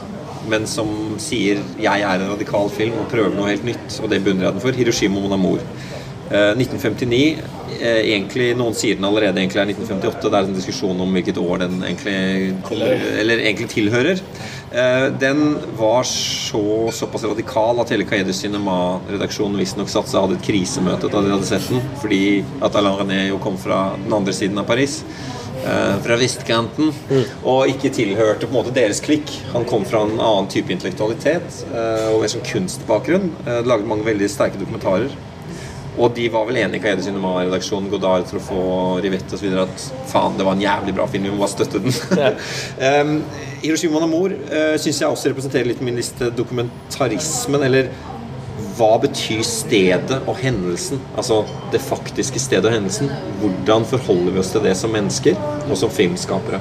Den har jo den leker veldig mye med biter av filmen er dokumentaristiske, biter av filmen er veldig stiliserte. Den har et spenn da, innenfor dette vi snakker om med kontrakten, men den følger den veldig nære menneskelige historien om et trauma, og setter det i sammenheng med det store historiske trauma i Hiroshima. Eh, Margrethe Duras skrev manuset. Hun betyr enormt mye for denne filmen. Og det er en måte hvor litteraritet, altså det litterære, er blitt tatt inn i filmen og gjort filmen mer film enn den kan være hvis den hviler på de filmiske konvensjonene man hadde drevet og laget i filmspråk opp til det punktet. Det vil si, den bruker voiceover på en radikal måte. Den sammensetter montasje, tid, sted, ting på en strukturelt veldig eksperimentell måte. Sånn som veldig mye litteratur hadde gjort, hvis vi tenker på Faulkner, Joyce Virginia Woolf og ikke minst den franske nyromanen. Så den, gjør, den tar noe fra andre kunstfelt og foredler det, finner filmens en sannere form for å fortelle noe i film. Og det syns jeg er litt sånn bemerkelsesverdig i filmhistorien. At det skjer av og til. Ja, og det gjorde han jo i, i Marie, siste året i Marienbad, i fjor i Marienbad, også med Alain Rob Gree sitt, sitt manus. Som man laget et par år senere. Det er de to filmene som Ja. Double Punch er ganske Ja, og jeg ville nok for flere år siden kanskje vært mer hardcore puttet uh, Marienbad på listen, men det er et eller annet med den menneskelig såre lille satt i sammenheng med dette store formalistiske eksperimentet som skaper et, nesten et ja, Det er mulig å sette dem opp mot hverandre, men for meg denne gangen et større spenn. Ja, jeg ville også tatt det valget hvis jeg hadde hatt eh, en av de filmene på listen min. Eh, Det var ikke langt unna. Jeg kjenner veldig kjærlighet til den filmen. Og det er noe med Manuel Rivas skjebne, sånn slik den eh, brettes ut etter hvert, som minnene hennes kommer frem i filmen, så får man et sånt hjerte for henne. Oppi det at man også sitter og har en intellektuell høytidsopplevelse da, med hvordan den filmen tar deg med inn i noe uutforsket. Og, da, og tenk tanken på at jeg da som så vel den da kanskje Det var en av de tidligere ja, fra den tiden av filmen jeg så. Men det er jo fort minst 40-45 år etter at den er laget. Og jeg hadde en sånn følelse av at dette var så moderne at jeg ikke visste hvor jeg skulle gjøre av meg. Og det sier jo noe. da. Vi har gjennomgående litt det der tanken om filmer som nesten er umulig å gjenta. Du kan Ja. ikke reprodusere Originalitet, form, formmessig nyvinning, men som også står seg med tid. Altså de Ja. tingene, Jeg husker Lars von Trier eh, hadde et etos han sa i et intervju som jeg synes så vakkert, at han drømte alltid om å lage film om sin tid for all tid. Og det syns jeg er veldig ambisiøst, og, og jeg er sikker på han vil stå seg opp. Jeg synes han er Det tror jeg nok ganske sikkert. Vi skal se om Jeg- ti år. Altså, jeg har en følelse av at von Trier Jeg tror, jeg, tror, jeg tror han kommer til å For ikke å snakke om 20-30 år, så, så tror jeg nok han skal være høyt på de Sight and Sound-listene. Også kanskje med filmer han enda ikke har laget. Eh, Men når vi, Hiroshima Mon Amour, det, det er jo noe med- også med den Den er jo også veldig spennende som en film om, om subjektivitet og om minner. Altså, det går jo litt igjen i filmene dine. Eh, Med både Serkalo, eller Speil, og, og Hiroshima Amour som er sånn distinkt poetiske, men sånn, samtidig på en eller annen merkelig måte også oppleves som veldig Ikke realistiske, men veldig autentiske. Fordi det er ofte sånn vi mennesker opplever verden. Spesielt når vi sitter for oss selv. Uh, og, det fanger han veldig. Jeg ville nok valgt 'Marienbad' uh, framfor den, fordi det er en film som har betydd litt mer for meg. Eh, og jeg syns den måten den problematiserer moderniteten på, uh, syns jeg er såpass sterk eh, at, at, at, uh, at det griper meg kanskje enda litt mer enn en 'Marienbad'. Men begge de to filmene føler jeg jo at uh, ingen, ingen av de havnet på listen min, men, men, men de er veldig nære, da. Du, du, du aksepterer dem? Ja, jeg, jeg aksepterer den. Ja, da vi fyller ut Jeg, jeg skal prøve å bevege meg litt nedover. Um, og det som er greia da, det er at neste på listen er La Notte av Antonioni. Vi har vært litt innom den. Jeg syns bare det er en veldig klok og innsiktsfull film om det å være menneske i et forhold. Og det er ofte folk slenger rundt seg med ordet eksistensialisme eller det eksistensielle hos Antonioni. Men jeg vil oppfordre, hvis vi har liksom noen eh, unge filminteresserte lyttere her, til å kikke på Antonioni og alle filmene hans, egentlig. Eller de han lagde sånn fra Leclis og fremover. eh, opp til jeg syns kanskje 'Identification of a Woman' på 80-tallet begynner å skli ut litt. Men eh, jeg syns både 60- og 70-tallet Prøv å tenke på hva han forteller med hvor han setter kamera, hva rommet og blikket, altså dvs. Si kamerablikket, måten han ser ting på, hva det sier om menneskene i, i bildets tilstand. Jeg syns han er de beste regissørene noensinne til å lage og oppdage nye måter å sette framen på, rett og slett. Sette kamera. Gjøre noe med det. Og det er et veldig kjent intervju i Caide Cinema etter Desaito Rosso hvor Godard intervjuer Antonioni og stiller ham et spørsmål hva er forholdet i dine filmer mellom det plastiske og det psykologiske. Og Antonioni svarer litt sånn tøft. Det er det samme. Det vil altså si at det plastiske, den opplevelsen av at det er noe skulpturelt i å se et rom og se et menneske hvor vi er. Står vi klemt opp i et hjørne? Har vi mye tomhet rundt oss osv.? For å si det veldig enkelt. Hvordan det eh, kodes, da, for å si det litt intellektuelt, i Antonionis bilder, det sier noe om, om menneskelig erfaring. Og, og han har et filmspråk som handler mye om det. Da tenker jeg på åpningen i Le Clis. Le Kiss er helt Den klart den, er, den, er, den hadde vært lettere å putte på listen. Ja, egentlig, hvis man skal få studieobjekt. Ja. Men desto viktigere kanskje å la den enda mer sånn eh, menneskelig identifiserbare og litt uantonianske Lanotte Ja, på listen. Bare det er veldig liksom også- Ja, Jeg det er veldig kult at du trekker fram den, for den, er, eh, den, den opplever jeg også at veldig veldig mange ikke har sett. Også av folk som Her prøver jeg det, da. Fordi jeg føler Ja. det er så jævlig klassisk i listen. Ja. okay, ok, Hvis vi kan, vi kan få liksom, den med i nettet, da. Ok. Den er vel, Av de du har vært gjennom nå, så er vel den den jeg ville umiddelbart sagt at færrest har sett. Eh, Jeg så den selv for første gang på Cinemateket da, i våres. da vi Ok, så gøy. Jeg, neste på listen er Annie Hall, Woody Allen. Jeg vil egentlig bare si at alt jeg vet om livet, har jeg lært av Woody Allen. Eh, for å sitere ham, som jeg, Woody Allen sa en gang 'alt jeg vet om livet, har jeg lært fra filmen'. Jeg syns Woody Allen er den jeg, som er både komisk og formmessig leken, men samtidig ærlig, dyptpløyende, sand, hvis jeg får bruke et så høytsvevende Ja, det kommer mer om det Ja, tror jeg. nei, ja, men jeg, jeg må si det. Jeg syns Annie Hall kan jeg se om og om, om igjen i forskjellige kjærlighetsforhold man har vært igjennom, og tenke at liksom, faen, den sier noe grunnleggende om å være i relasjon og være kjærester. og og sånn, og så syns jeg det er så befriende, lekent og lett, selv om det er eh, formmessig veldig nyvinnende. Og så tror jeg det er en film som jeg bare syns alle mennesker på jorden skal se. Det syns jeg om alle disse her. Men Jo, den der kan jeg, jo, jo, men den- hvem som helst kom igjen, se den. da den, liksom, Det er sånn man bare man, man ser folk komme ut av den med et smil, og så blir man bare begeistret. Ikke sant? For det er, det er så mye liv i den. da gleden av å kunne vise Annie Hall til noen som ikke har sett den, og den gleden har jeg hatt mange ganger opp gjennom livet, den er enestående. Ja. Jeg kjørte den forrige jul for hele familien min nesten. Altså alle, Begge søstrene lillesøstrene mine var full pakke. Annie Hall, liksom. alle var like fornøyde. Det er gøy. Det er en veldig sjenerøs film. Ja, veldig. Og så er, og så er det Man må heller ikke komme, kan ikke komme helt utenom det. I for meg så er det nok også verdens morsomste film. Ja, den er veldig morsom. Den er intenst morsom.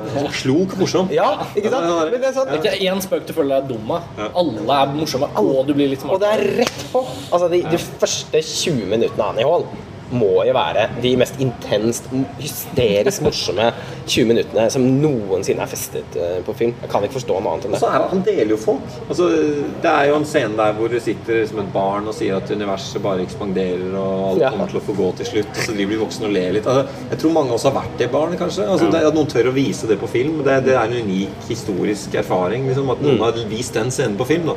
At, at man, man, man, det derre menneskelig fortapte som man Stardust Memories er også en film jeg gjerne skulle putte på listen, mm. egentlig. Eh, og når han da spør liksom aliensene når han møter aliens i sånn, sånn drømmetilstand hva, hva, hva, hva er meningen med liv og sånn, og, og de sier Nei, men du stiller de feil spørsmål. det, sånn, sånn, det Vi likte de tidlig, tidlig, tidlig morsomme filmene dine. Det er det, er det, det er det som er modellen nå. At, han, at I denne filmen er det en overgang fra den morsomme humoristen som egentlig er på vei mot å lage fantastiske filmer som Another Woman og Interior, som egentlig ikke er morsomme i det hele tatt, men Nei, som er dype, kloke, dramatiske filmer også. Og, og det møtes litt i Annie Hall. Særlig Interiors er jo i, i ettertiden en intenst undervurdert film. I, i, når den kom, mellom Annie Hall og Manhattan, så ble den jo ble nominert til Oscar for både beste manus og beste regi.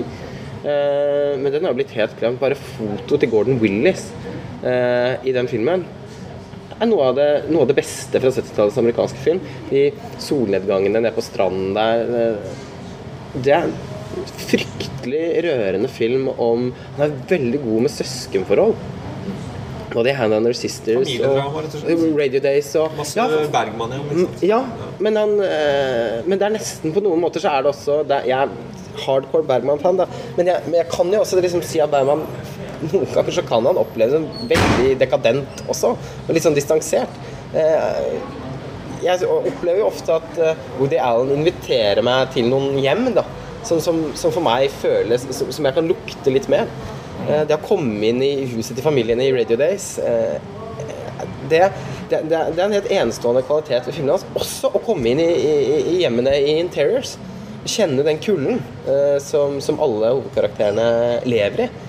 Det, nei. Woody Allen er viktig. Ja, det er litt rart at han ikke var mer representert på regissørenes liste, egentlig. Ja, men det morsomme er hvis du ser på listene på nett hvor mange av filmene hans som er på forskjellige folks lister. Ja, ikke sant. Så der har du det øvre problemet kanskje litt. Ja. At eh, han har så mange gode filmer at det blir spredt utover. Og så ender han ikke opp på topp 10-listen, men han er elsket av mange. da Ja. Så det er jo fint å se. Det var jo med Terence Malick også, som riktignok ikke har like mange filmer som Woody Allen. Men hans filmer òg. Det var jo tydelig at de bare eh, rikosjetterte omtrent. Alle ligger jo mellom topp 100 og 150 omtrent. Ja, forferdelig. Jeg fortalte jo dere i stad jeg så uh, Days of Heaven i forgårs på Cinemateket. Igjen.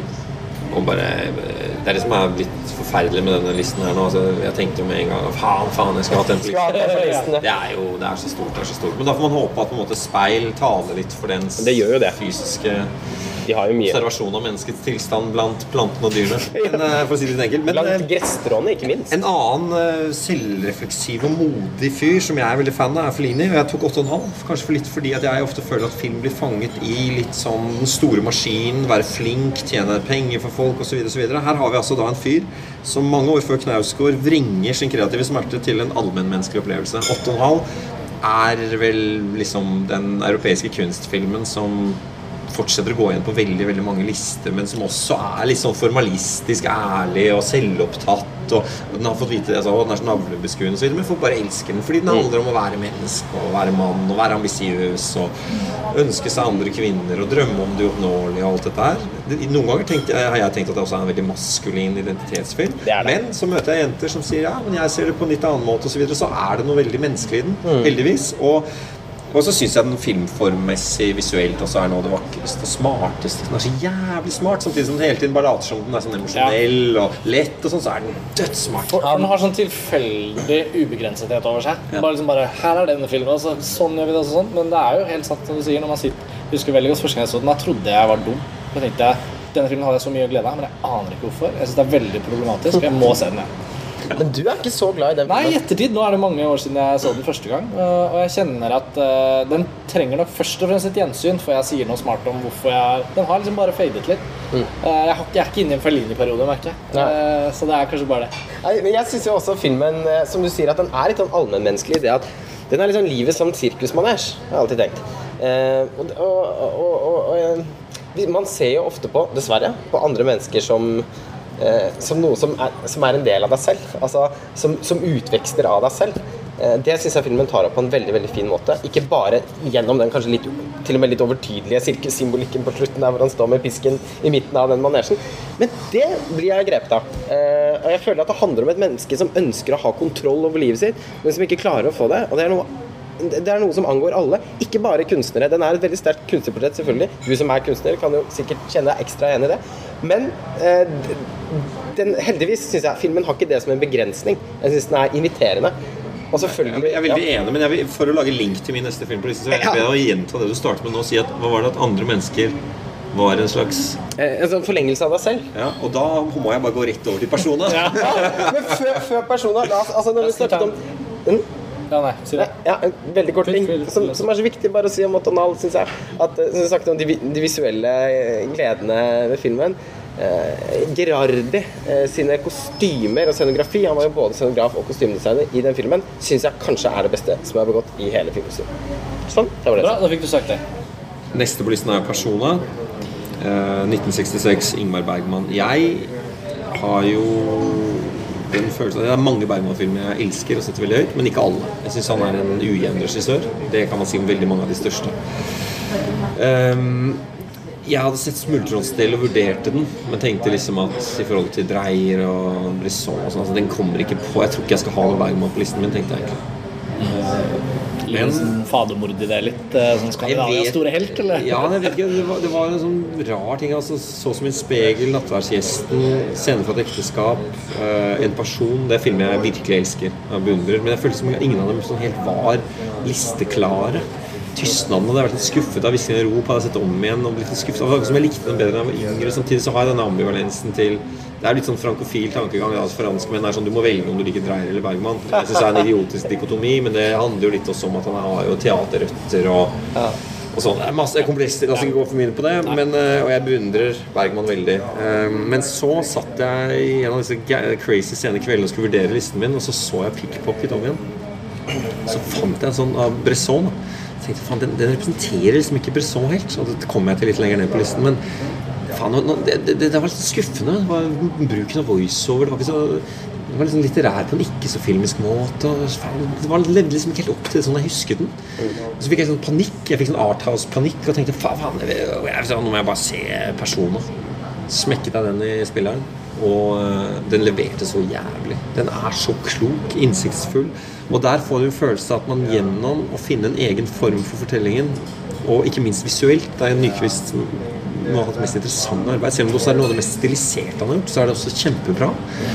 Eh, og bruken av lys og nærbilder osv. Så, videre, så tenkte jeg bare Vet du hva, det der, er, det der er noe dypt inn i noe menneskelig som er så vanskelig å benevne, men det trår så tydelig frem i den filmen at den fortjener en plass. På en måte så, så gjør det noe av det jeg drømmer mest om å få til selv som filmskaper.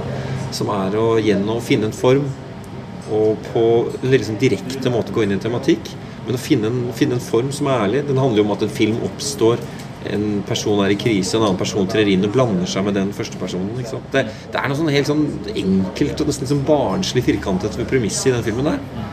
Og så er det, leverer det noe så dypt innsiktsfullt. Så den, den går, fløy, føyk rett inn på lista. Så rett og slett. Det var en av de som ikke kom intuitivt, men som jeg fant. Ja, Hvilken var det som gikk ut der, om det er lov å spørre? Ja, men det, det, er det. Altså, det som skjedde, er at Jeanne d'Arc røk ut. Og jeg har vært veldig opptatt av uh, nærbildet som en av de viktigste filmiske tropene. Jo mer jeg jobber med film, jo mer tenker jeg at nærbildet på TV og nærbildet på det store lerretet er to helt forskjellige ting. Nærbildet på TV er ofte bare nødvendighet for å få fortalt en enkel historie og se et menneske identifisere seg. Alle de tingene jeg syns er forenklinger av filmfortellingens muligheter. Men når du ser et nærbilde på et stort lerret, så ser du aldri et menneske så nært i noen annen kunstform eller i virkeligheten som når du ser eh, Maria Folconetti i Dreier Jeanne d'Arc. Da, da, du, du, kommer ikke så nært inn på noe. Det samme gjelder også i personer. Og det, det at personer altså handler så mye om hvordan det er å stå utenpå hverandre og ikke klare å nå inn i hverandre, samtidig som vi er så fysisk nær disse ansiktene og disse andre menneskene. Det er så klokt, det er så innsiktsfullt, og det er så filmisk formessig rent. At den rører meg skikkelig. Altså. Ja, den, og den har en annen dimensjon. Eh, altså, den, det aspektet ved personen som kanskje har forplantet seg mer sånn tydelig utover i filmhistorien etterpå, er liksom den vampyriske relasjonen mellom, mellom de to. Mulholland Drive for eksempel, kan man nesten se på som en slags remake av personer. Fight Club. Eh, eh og det dobbeltgjengmotivet og, og, og sånn. Men en, en annen, et annet aspekt ved den filmen som jeg også syns er litt betydelig, er jo da må man ta veldig tilblivelsen i betraktning, da. Men eh, på, på det tidspunktet var jo Bergman veldig syk det er på en måte også hans 8,5. Det er veldig, I med mange av filmene på listen din, eh, Joakim, så er den veldig sånn selvransakende. Det handler jo også om en kunstnerisk krise. En kunstner som føler at kunstene hans blir kunstige. Fordi at man er i en, i, en situasjon uh, hvor, hvor, verden holder på å implodere. da. Uh, den, den, er på en måte veldig sånn modernitetskritisk. Den, den, den er veldig den har uttrykker en veldig frykt for atomkrigen. Det er, det er veldig eksplisitt i filmen òg. Men hennes eh, Liv Ullmann sin resignasjon, da, Elisabeth Fogler sin resignasjon i den filmen handler jo om Hun er på en måte Bergman i den filmen. Hun føler seg ordløs. Bergman var også ordløs. For første gang så opplevde han ikke klare å skrive et manuskript. Han er som en Woody Allen. Han skrev jo hele tiden. Han Føler, og, og, filmen er også ganske rørende, et, et, rørende resultat av den fryktelige prosessen som han gjennomgikk. Ja, jeg har den også på listen min. Jeg syns, det er en så utrolig rørende film. Jeg syns den er rørende som kunstverk. Altså, jeg synes det er det Bergman og Nyquist altså det de begår for oss Nok en gang nærbildet. Den har jo også en veldig tydelig arv til Jeanne d'Arc. Den har det derre også det fantastiske på en måte, hva kan man kalle det, klimakset, hvor disse ansiktene som gror sammen. Og det er på en måte noe med at man blir helt forbløffet over hvor sterkt det kan være. Det er aldri liksom flinkt og uten, med, uten connection til disse og menneskene. Og I likhet med nesten alle filmer til Bergman syns jeg også den er sånn befriende lite intellektuell, egentlig. Kan, det er masse ja, det er, Og, og intellektualisere krever det ikke av deg. Nei. Aldri. Og så, så føler jeg det alltid med Bergman på sitt beste minus, f.eks. sånn som en person som jeg ikke er like glad i som deg. Eh, men, eh, men den, har, den føles uanstrengt i sin både liksom menneskelige, intellektuelle rikdom. Det er ja. virkelig en av Jeg føler jeg kommer til sånn selvransakelse. De tre siste filmene jeg tok nå, var altså Annie Hall, 8,5 personer. Og, og jeg syns det gjøres et godt poeng her nå. Altså, at de er kanskje veldig sånn um, selvransakende filmer for, de, for, dem som har laget dem. Kanskje det preger meg litt i livet mitt der jeg er nå også. Det, det, det, så, sånne ting blir jo veldig personlige. Preger jo, preger jo Annie, Annie Hall det, det, personlige unnskyld, det vil jo fremstå ut av Du avslører deg kanskje litt gjennom valgene ja. dine. Altså, nå, nå, jeg, jeg, skammer meg jo litt over å bruke så lang tid av lytternes tid her på liksom, sånn veldig sånn narsissistisk å gå gjennom min liste, så jeg skal prøve å være rask. Men, men, jeg avslører meg jo litt her i å velge sånne filmer som tydelig er så og, og Tarkovskijs speil også. De er alle sammen nesten sånne filmiske selvportretter. Ganske, men, men, da kan jeg springe til den neste som ikke er det, vil jeg si. Yeah. Og det er 2000, Now for something Now for different. completely different, vil jeg påstå. Da kan dere kanskje være uenig Men 2001, en romodyssé, Stanley Kubrick, det er noe av det mest virtuose som er gjort på film noensinne. Og noe av det mest ambisiøse i tematisk behandling. Den er jo, går rett inn i vitenskapens begrensede eller potensielle mulighet til å gripe det eh, transcendentale, det hinsides, det religiøse rom. Ikke sant? Den, den handler om det. Og som barn, som for å hoppe litt tilbake til eh, Alvy Singer og Annie Hall, som sitter og er redd for universet og lurer på hvorfor uendeligheten ikke kan forstås og sånne ting, så var det noe fortrøstende ved å bli kjent med 2001. Det var en film jeg så da jeg var ganske ung og ikke helt skjønte og likte, men jeg vendte tilbake til mange ganger senere og har lært meg å virkelig elske. Um, og den, den, den handler om det enigmatiske. Monolitten som plutselig havner midt i verden, og som i motsetning til alt det andre naturlige vi går i møte med, har rette linjer og er avgrenset og ser ut som, for å si det litt eh, overført, som kultur midt i naturen. Resten av naturen som vi kjenner, den er krumbøyd og flekkete og rar. Den er glatt, uangripelig, perfeksjonert. Nesten som om den kommer fra en høyere intelligens eller et menneske. Eh, og det setter i gang den mystiske historien. Og den tør eh, å springe fra før det var mennesker på jorden, rett opp til fremtidens høyteknologi. Den gjør sånne helt sånne skamløse ting. da. Sjimpansen kaster beinet opp. Så kommer et romskip ned. Og det er sånne ting den gjør. Og, og den er eh, rett og slett også teknisk virtuos. Så jeg syns jo de som har slåss med den store maskinen og regissøren er dem jeg ofte beundrer. Eh, Det er vanskeligere og vanskeligere å gjøre noe særpreg eller noe egenartet i film i dag uten at du bare får et videokamera i hånden og ingen dager å skyte. Men dette her er jo sånn nostalgien til en tid hvor en visjonær, radikal person fikk lov, som Kubrick jo alltid var i filmene sine, fikk lov til å prøve noe helt nytt, noe helt annet, noe vi ikke hadde sett før. Kom inn i kinosalen og se noe dere ikke har sett før. Og de betaler for det, liksom. Å lage det. De tar sjansen. Eh, Og det er jo noe Det er jo på en måte en merkelig Han står jo med én fot midt i autørtradisjonen og en annen fot midt i det kommersielle Hollywood. Og får lov til å jobbe. Og da har det oppstått noe veldig spesielt hos Kubrick. Og 2001 for meg er derfor på listen. Den kan man liksom ikke klare seg uten. Han sto jo alltid nesten i det skismaet der mellom han, han kunne jobbe med store stjerner, og han jobbet innenfor definerte sjangere, i hvert fall noen ganger, blant annet i 2001. da Samtidig som han hadde en sånn helt kompromissløs autørvisjon som, som alltid traff hverandre på en, på en veldig suksessfull måte. Folk, altså Selv om de fleste av filmene til Kubrick fikk altfor dårlige kritikker når de kom, så ble det jo stort sett veldig likt. De gjorde veldig veldig inntrykk på folk. Hva mange så det på kino. 2001 var jo en kjempesuksess. Jeg kunne også hatt Barry Lyndon på listen, samtidig som jeg i min neste film Goodfellas også kunne hatt uh, Uskyldens tid, uh, Age of Innocence av Scorsese. Men jeg endte da opp med å gå for 2001 av Kubrick. Men han er også en, i likhet med Tarkovsky en person hvis alle filmer du kan se. Og du Ja, tenker det liksom, var- faen, det er vanskelig å velge der. man kaller det ja, ja. nesten sånn Kubrick-komplekset. Han er jo alltid Hvis man bestemmer seg for å bare ha én film eh, av hver regissør på en sånn liste, så lager jo alltid han et lite helvete da. Eh, Det kommer vi tilbake til, fordi han går nok igjen på listene. Både Barry Lyndon og, og en annen film som jeg har på min liste. Jeg hopper da videre til Goodfellas. Martin Scorsese, den nyeste filmen på listen min, noe som er veldig skamfullt. Det er skamfullt at jeg ikke har noen musicals. The Red Shoes eller Sing in the Rain, som er en sjanger jeg liker veldig godt. Det er eh, også veldig skamfullt at jeg nå har endt opp med å ikke ha en eneste stumfilm på listen min. Det syns jeg er veldig flaut. Eh, det er mange ting jeg skammer meg over. Mye skam, skam, skam. skam. Jeg får bare kvitte meg med den skammen og rett og slett hoppe inn i hvorfor jeg valgte Goodfellas. Um, det er jo en sjangerfilm. da Eh, Og ut av alle de amerikanske sjangerfilmene så er det kanskje gangsterfilmen som jeg ofte har vært mest sånn fascinert av. Um, og det vil jeg si, jeg vurderte virkelig Gudfaren 2. Jeg vurderte Heat. Eh, Jeg vurderte til og med å gjøre det veldig europeisk å ta en ny film som Profeten, som jeg syns er en av de beste gangsterfilmene noensinne.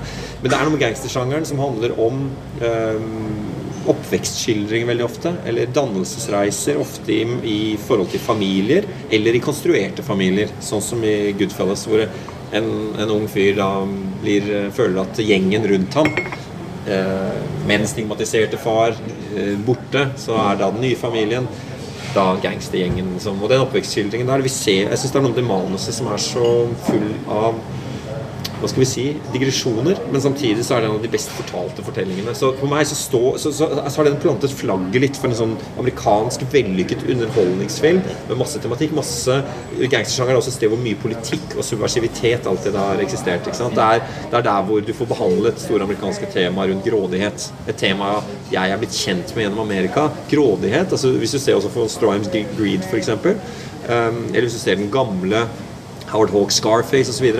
Maktens, maktens korrumperer i et samfunn hvor du kan vinne alt faktisk hvis du satser. Ikke sant? Det er noe som jeg ikke kjenner fra norsk kultur i det hele tatt, men som jeg har lært meg å forstå noe menneskelig om gjennom amerikansk gangsterfilm. Det er faktisk et tema jeg syns er veldig viktig, og som vi kan diskutere hvorfor det ikke finnes i skandinavisk kultur. Kanskje fordi vi er så skamfulle, og fordi den form for opportunisme er sett veldig negativt ned på. Eh, Men den fins hos oss også. Og jeg syns at eh, Goodfellas er et, et godt eksempel på den sjangeren. Jeg må i samme slengen si at her var det mange filmer som kjempet om plassen. Egentlig var det Apocalypse Now som lå på den plassen, som skulle representere de der 70-tallsamerikanerne. Ja. Og som jeg hadde vært inne på, Malik burde kanskje vært der, men så kom Tarkovskij inn og tok litt hans plass fordi de er de taktile osv. Så, videre. så begynner man å politisere og tenke osv. Men jeg endte da opp på Scorsese, uh, Goodfellas, uh, og syns det er uh, ja, bare en jævlig bra film. Jeg syns det er jævlig kult Jeg bruker jævlig på det.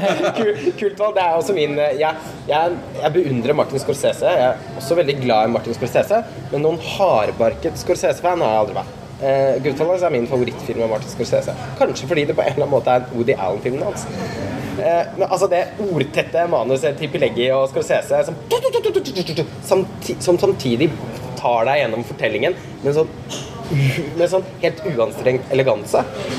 Det er det som gjør at den filmen har en, en, en høyere posisjon hos meg enn faktisk i noen andre Scorsese-filmer. Og selvfølgelig så er det en great piece of entertainment.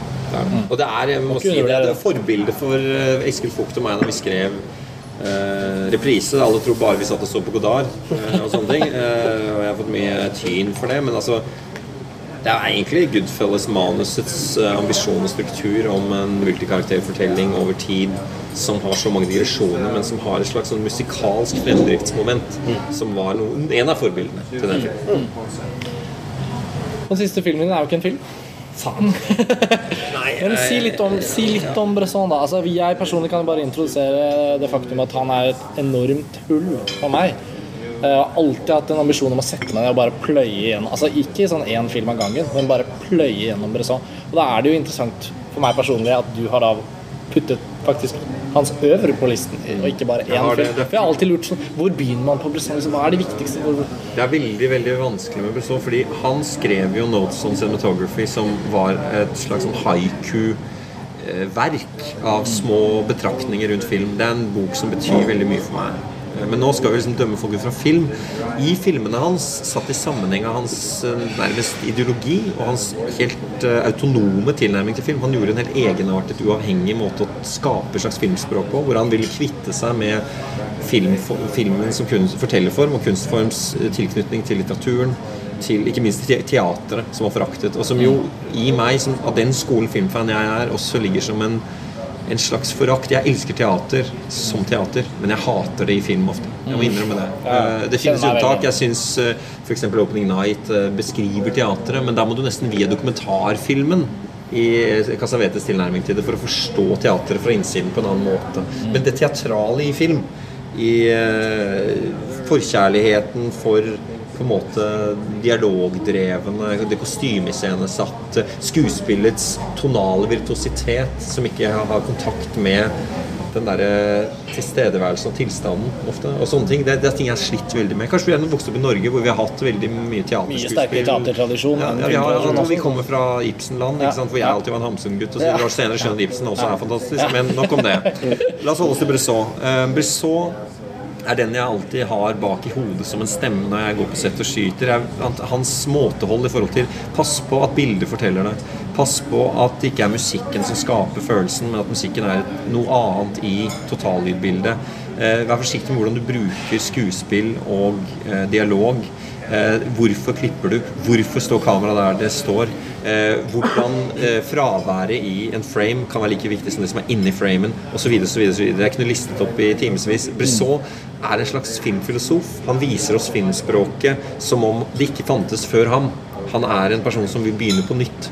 Ser du filmene hans, så er det en liten romantisering. For Hvis du ser på utviklingen hans 'Damene i Bologneskogen', f.eks. Altså, eh, tidlig Bresson-film er, er lever ikke helt opp til hans idealer. Han finner formen sin kanskje litt rundt sånn pickpocket, burde kanskje vært på listen, men, men den alene er heller ikke Bresson. 'Une femme douce' eh, med Dominique Sanda, hans første fargefilm, syns jeg er fantastisk. Eh, men jeg kan heller ikke se Og den er veldig lite sett. Den kunne man puttet på. Den har ikke, jeg har sett De fleste av Bressons filmer, den har ikke jeg klart å Jeg har en bootleg på DVD. hvis du. Eh, Men, eh, men det finnes Altså, det er mange Bresson-filmer. eh, Jeg syns 'Mouchette' er en film som eh, alle på filmskole burde se, fordi det er et av de beste nære menneskeportrettene. Og så ville det gjort at en del manusforfattere kanskje ville innsett at den der lille fortellingen om det lille mennesket som står og ser de voksne, ikke behøver å lages lenger, for den er så perfeksjonert der. Men nok om det. For det er, jeg syns liksom halvparten av kortfilmene man ser hvert år, er, er egentlig en dårlig versjon av Mouchette, osv. Så, videre, og så, videre. så Brissot har gjort veldig mange gode filmer, men eh, han har også betydd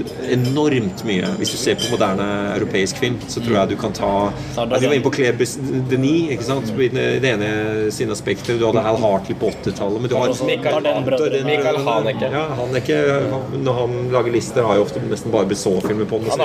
Lancelot Lac og, Balthazar på det som er Bresson er så viktig at han må liksom være med rundt denne middagen da, til middagsbordet med de ti stolene. Fordi hvis han ikke er der, så er det en eller annen bit hos meg som mangler. Og det må jeg si at jeg satt eh, før jeg skulle levere inn listen i siste liten og var helt fucked. Jeg visste ikke hva jeg skulle gjøre. Og satt og diskuterte med Eskil og hans fotografen som skyter hans neste film, Blind. eh, Timios, som har skutt Dogtooth og Attenberg og sånn. Veldig begavet greker. Og jeg, det var første gang jeg møtte Timios. Satt og diskuterte film, og vi hadde veldig mange ting vi likte. Han drev og tynte meg sånn Å, du har ikke med The Red Shoes, ja. Og jeg tenkte Å, herregud, nei, uff. Det var ikke Og Malik var ikke på listen min. Sånn. Men så kom vi til Bresson. Så sa han har du ikke med så? Og så sa han ble sånn skuffet. Å ja, vi er visst ikke helt venner, du og jeg. jeg Så tenkte jeg, men jeg er jo ikke venn med meg selv hvis jeg ikke har med Så så, så Eskil på meg og sa han, Joakim, jeg syns at det er jålete av deg å putte Kjørkarlen på listen. Fordi at av Sjøstrøm Så sa jeg ja, men den er så viktig å komme med. Og det irriterer meg for øvrig nå, må jeg bare skyte inn, at den er ikke på noen lister. Den er Nei, ikke med i år. jeg synes det er merkelig. Det er forferdelig. Bergman men, har jo- men så ja, Eskil, bare for å avslutte for- anekdoten her, at, at uh, det var litt sånn jålete. Altså, jeg, jeg har kjent deg så lenge, Joakim. Vi har vært venner siden vi var 18-19 år. Og, og det er så rart at du ikke har Bressot. Er du sikker på det? Tenk deg godt om. Og da endte jeg opp med dette her uh, Bresson-øvrig-greiene. Nesten litt sånn av Eskil, altså. Fordi at jeg vet at han, han som en god venn som sier du, du er i ferd med å gjøre en feil. Eh, og da endte jeg opp med å jukse, da. Ja, men jeg ville vært veldig overrasket. Det er Eskil sin skyld. Jeg ville vært veldig overrasket uansett eh, om jeg ikke så noe Bresson på listen din, fordi jeg syns det er veldig mye Bresson i filmene du har laget. Da. Så Det er jo et enormt kompliment. Takk til deg for at du sier det. Men, men jeg følte at han, han måtte med, så nå er jeg ferdig med listen. Nå føler jeg opptatt veldig mye tid her. Men- Nå må men- vi til dere snart. det, det er jo egentlig det du har forsøkt å omgå, men jeg blir jo veldig nysgjerrig. For du sier jo at liksom, gjensynet med pickpocket ikke var helt der. Det, det kan jeg skjønne litt. Altså, det er lenge siden jeg har sett den. jeg sier dette, jeg elsker men, sant? men altså, den, snakker om taktil kvalitetsfilm, da. Altså nærbildene, hendene som skifter. Altså, den har noe sånn Og, og tematikken eh, som nesten er litt sånn fremmede Albert Camus-aktig. Eh, med en mann som rusler rundt, forsøker å En moralsk fabel. Ja, en moralsk fabel. Masse, masse, masse, masse der. Dostojevskij Camus, ville jeg sagt. Men jeg skjønner hva du sier. Ja. Ja, ja, men jeg er alltid Det er mulig Første gang jeg så den filmen, så hadde jeg nettopp lest Den fremmede Albert Camus. Så på en er litt sånn pretensiøs maner så var det, ja. følte jeg en eller annen sånn Åh, nå merker jeg det paralleller derfra. men, men, men den har aldri, aldri den, Men den har aldri sluppet det for meg, den parallellen. Men men jeg, men jeg blir ikke riktig grepet av den kanskje som en fortelling. Eh, Hva heter Man Escaped på norsk? Denne eh, på norsk. Mannen har rømt? Er det den heter? Mulig. Ja. Fengsels, fengselsfilmen hans. Fengselsfilmen hans. Jeg syns Pickpocket kanskje er bedre enn det. Min favoritt er Nå har jeg ikke sett alle, absolutt alle, men det er blodpenger. L'argent er kjempebra. L'argent gjør Og det er jo det Godard er ikke på listen min, men hva 80-tallets Godard, hva Bresson har betydd for 80-tallets Godard, er veldig viktig. Men uh, L'argent er kjempeviktig. Den, den kunne godt vært på en liste. Og den tenker du også Bruno Dumont, ikke sant? Ja, ja, ja. Eller, eller, er, altså, det er så mange moderne, viktige europeere som, er, som Og- direkte er inspirert av det. Og, og Michael Haneken, den der sånn konsekvenslogikken i noen av filmene hans, i 'Ukjent hode', f.eks. Den domino-dramaturgien, domino-brikke-dramaturgien, det sokner jo veldig til Lars Larsen. Jeg, jeg ble enormt grepet av den. Det det produserer at du setter Bresson på listen din på den måten, er jo sånn som vi blir sittende nå. Altså at Gode lister syns jeg alltid skal sette i gang samtaler. Ikke være for glatta og ikke være for Og det å bryte reglene er kanskje en del av Jeg, jeg håper det. Det er kanskje en del av jeg sammenhengen. håper det. Jeg håper at det, det åpner opp, at det speiler umuligheten av Ja, liste. Det var det det var ment som, men jeg vet ikke om bare folk syns bare at jeg har gjort en lett utvei. Det kan også Ja. være. Det er jo litt sant, det òg. Jeg har nok ikke brutt noen regler, men vi ble enige om at Lars Ole skulle være sist, så da er det kanskje min tur til å ta en gjennomgang. Jeg foreslår at vi ikke snakker så veldig inngående om de filmene vi allerede har vært inne på på din liste. Det er mange overlappende. Men den første filmen jeg skrev ned, Og det var intuitivt på den samme måten som du beskrev det. At jeg bare psh, Det er The 400 Blows av Francois Truffaut. Le Quatre coups. Le 405, eller På vei, mot livet, som den heter på norsk. Jeg syns ikke den norske tittelen er så dum. Jeg, jeg syns den er litt fin. Litt rørende. Eh, jeg har ikke ført opp årstall her, men det var vel eh, Ja, nei. Det er vel 59? er 58? 58. 58, ja. Eh, nei, den har eh, rett og slett eh, Siden jeg så den første gang på den første filmskolen jeg gikk på, oppe i Lofoten, hvor jeg faktisk så utrolig mye film, for det er ikke så mye annet å gjøre. Og det var en veldig betryggende måte å gå på filmskole på, som jeg tror de fleste har opplevd, som har valgt å se film mens de har gått på filmskolen. Det er liksom trofås eh, usedvanlig rørende på en måte humanisme, menneskesyn, som gjennom en veldig personlig oppvekstskildring får sagt så mye om i hvert fall det jeg kjenner meg veldig igjen i. Liksom, den litt sånn litt kvikke, litt uh, smartere enn sin alder uh, ungdommen, som ikke helt klarer å kontrollere kollisjonen mellom hjertet for sin egen barndom, usikkerheten mot uh, voksendommen, hvis man kan kalle det, og dette med foreldre som på en måte blir en fjern størrelse. Da. De som skal være de nærmeste, blir de fjerneste, og at man må klare seg selv. Og Det er på en måte noe så enkelt som man likevel portretterer på en sånn helt gjennomtrengende måte. Jeg syns ikke, ikke den typen historie er blitt gjort bedre av noen andre filmskapere. Og jeg syns filmen også jeg har sett den veldig jevnt og trutt siden jeg så den første gangen. Sikkert sett den ti ganger. Så den på utekino på Sankthanshaugen for uh, to år siden, tror jeg. Det var ingen andre som ville være med. Jeg dro opp bare, for jeg må bare se den. Heldigvis traff jeg noen venner, fikk et glass vin og satt og smågråt litt, og det regnet litt. Og det er bare en så varm film at jeg kan ikke se for meg noen liste uten. Så den, eh, Nå høres den nesten ut som det er min absolutt favorittfilm, og det er jo verdens vanskeligste ting. Og det vil komme til å skifte mange ganger frem og tilbake. Men det var den første jeg skrev. Og du hadde ikke den. Ikke noe trofå Så da følte jeg var litt glad for at jeg fikk anledning til å bringe inn uh, The 400 Med, tan med tanke på at Charlotte Godard har, har fire filmer på topp 50 på, på I Sights and Sound-listen, Sound så er det jo et uh, merkelig fravær av. Eh, 400 Blows uh, Le Quatre Cent Coop og Jules og Jim er jo, er de to eneste som er representert. Altså, filmer som Natteffekt og Two English Girls, Lommepenger Jeg synes han- Le jeg syns han har ja, Hele Anton Donnell-syklusen er veldig fin. alle, alle filmer, bortsett fra den siste, kanskje, så syns jeg jo Nei, men det er bare noe ja, jeg, Nei, jeg, jeg kan ikke forsvare noe fravær. Jeg synes jeg, Nei, føler- det var ikke nei, sånn. nei, nei, nei, nei, men det er fint du tar det opp. Jeg, jeg føler at ja, det Captain Sanko er veldig, veldig viktig. Og det, men det er morsomt. Hiroshima og Namor og den blir jo ofte sett på som eh, den humane eller den formalistiske veien inn i nybølgen i det den starter. eh, Ja. Med kanskje Godard som en tredje Abu Dussouf, da. Ja, Som, jeg hadde liksom, som jeg hadde et veldig vanskelig gjensyn med, må jeg si. Men, eh, men uansett ville jeg kanskje ha puttet på eh, Maskulin Femina eller to eller tre ting jeg vet om ja. av Godard. Det er liksom uregjerligheten til Godard og, og hva skal man si, humanismen til Truffaut, for å gjøre det litt enkelt. men det er jo interessant, fordi han er jo så regnet for å være en sånn Vi, vi slenger rundt oss med humanisme her, og jeg gjør det masse selv. Man skal være forsiktig, men altså, han er jo en som ser mennesket i situasjon, eh, som bruker sympati som et emosjonelt gir, veldig tydelig osv. Og, så og det er ikke noe galt i det, det er veldig fint. Men det som få vet i Norge, er at han også er høyreintellektuell, noe vi ikke har noe av i Norge. Altså det, vi har veldig få av dem, i hvert fall altså mennesker som er, eh, ikke er gærninger fordi de er på høyresiden, men som tenker kloke tanker, men som ikke har et tilholdssted i mer sånn marxistisk eh, kulturforståelse. Og det er sånn tankevekkende, for jeg har aldri tolket ham sånn. Egentlig Jeg har tolket ham som en veldig sånn der, politisk altså, du, jeg litt sånn politisk rundt heller. Fordi det også handler om eh, institusjonsbarnet ikke sant, som blir satt vekk osv. Men, men uansett, det sier jo noe om hvordan ideologi og film er veldig komplisert i måten det Absolutt. fungerer på. Heldigvis. Men den er altså min Truffaut-favoritt, og der er det mange å ta der også. Vi, jeg, min neste på listen er Kubrick, da. Eh, og der, eh, der var det ganske egentlig ganske raskt. Altså. Det er Barry Lyndon eh, for meg. Ikke fordi den nødvendigvis er best, men fordi det er på en måte både en film jeg har sett veldig mange ganger. Hatt gleden av å se den på film nesten alle gangene jeg har sett den. Hver gang den har vært liksom gått opp på Cinemateket eller jeg har sett den så har det blitt satt opp hvis jeg har vært ute og reist, og sånn, så er det gripe anledningen til å se den. For meg er det noe av det vakreste. Da. Altså Apropos skjønnhet på film. Den er eh, helt sublim eh, og så perfeksjonert. Og for meg den beste periodefilmen, hvis man skal liksom kalle det en slags subsjanger. Altså filmen som eh, Vi var inne på det litt før vi begynte å snakke, eh, ta opp, at det kommer tilbake til det, også det der med når kameraet bare Ja, det indeksikale til eh, godeste Bazin. Altså at vi får se noe som er sant, tilnærmet sant. da Film er det nærmeste vi kommer. Og, og Barry Lyndon som en slags sånn Her, sånn var det. Sånn, øh, sånn var denne mannens skjebne. Og måten den er fortalt på, selvfølgelig. Utrolig fin humor. Altså, jeg syns Kubrick er morsom. en veldig morsom filmskaper. Uten å lage noe særlig. Strålende sånn tredjepersonslitterær voiceover. Altså, det, ja. In the next chapter, Marilyn Ja, marries og bruken av musikk. Du får hele ditt vite hva som skal skje. Det er så utrolig elegant film. Altså, den er bare helt sånn Nei, John, John Alcott snakket om også Hvis vi skulle lage toppliste over fotografer. John Alcott sitt foto i den Ja. Hvor de, når han fikk sånne linser som NASA brukte For å fotografere meteoritter eller hva det var for å få så lite dybde i bildet som overhodet mulig.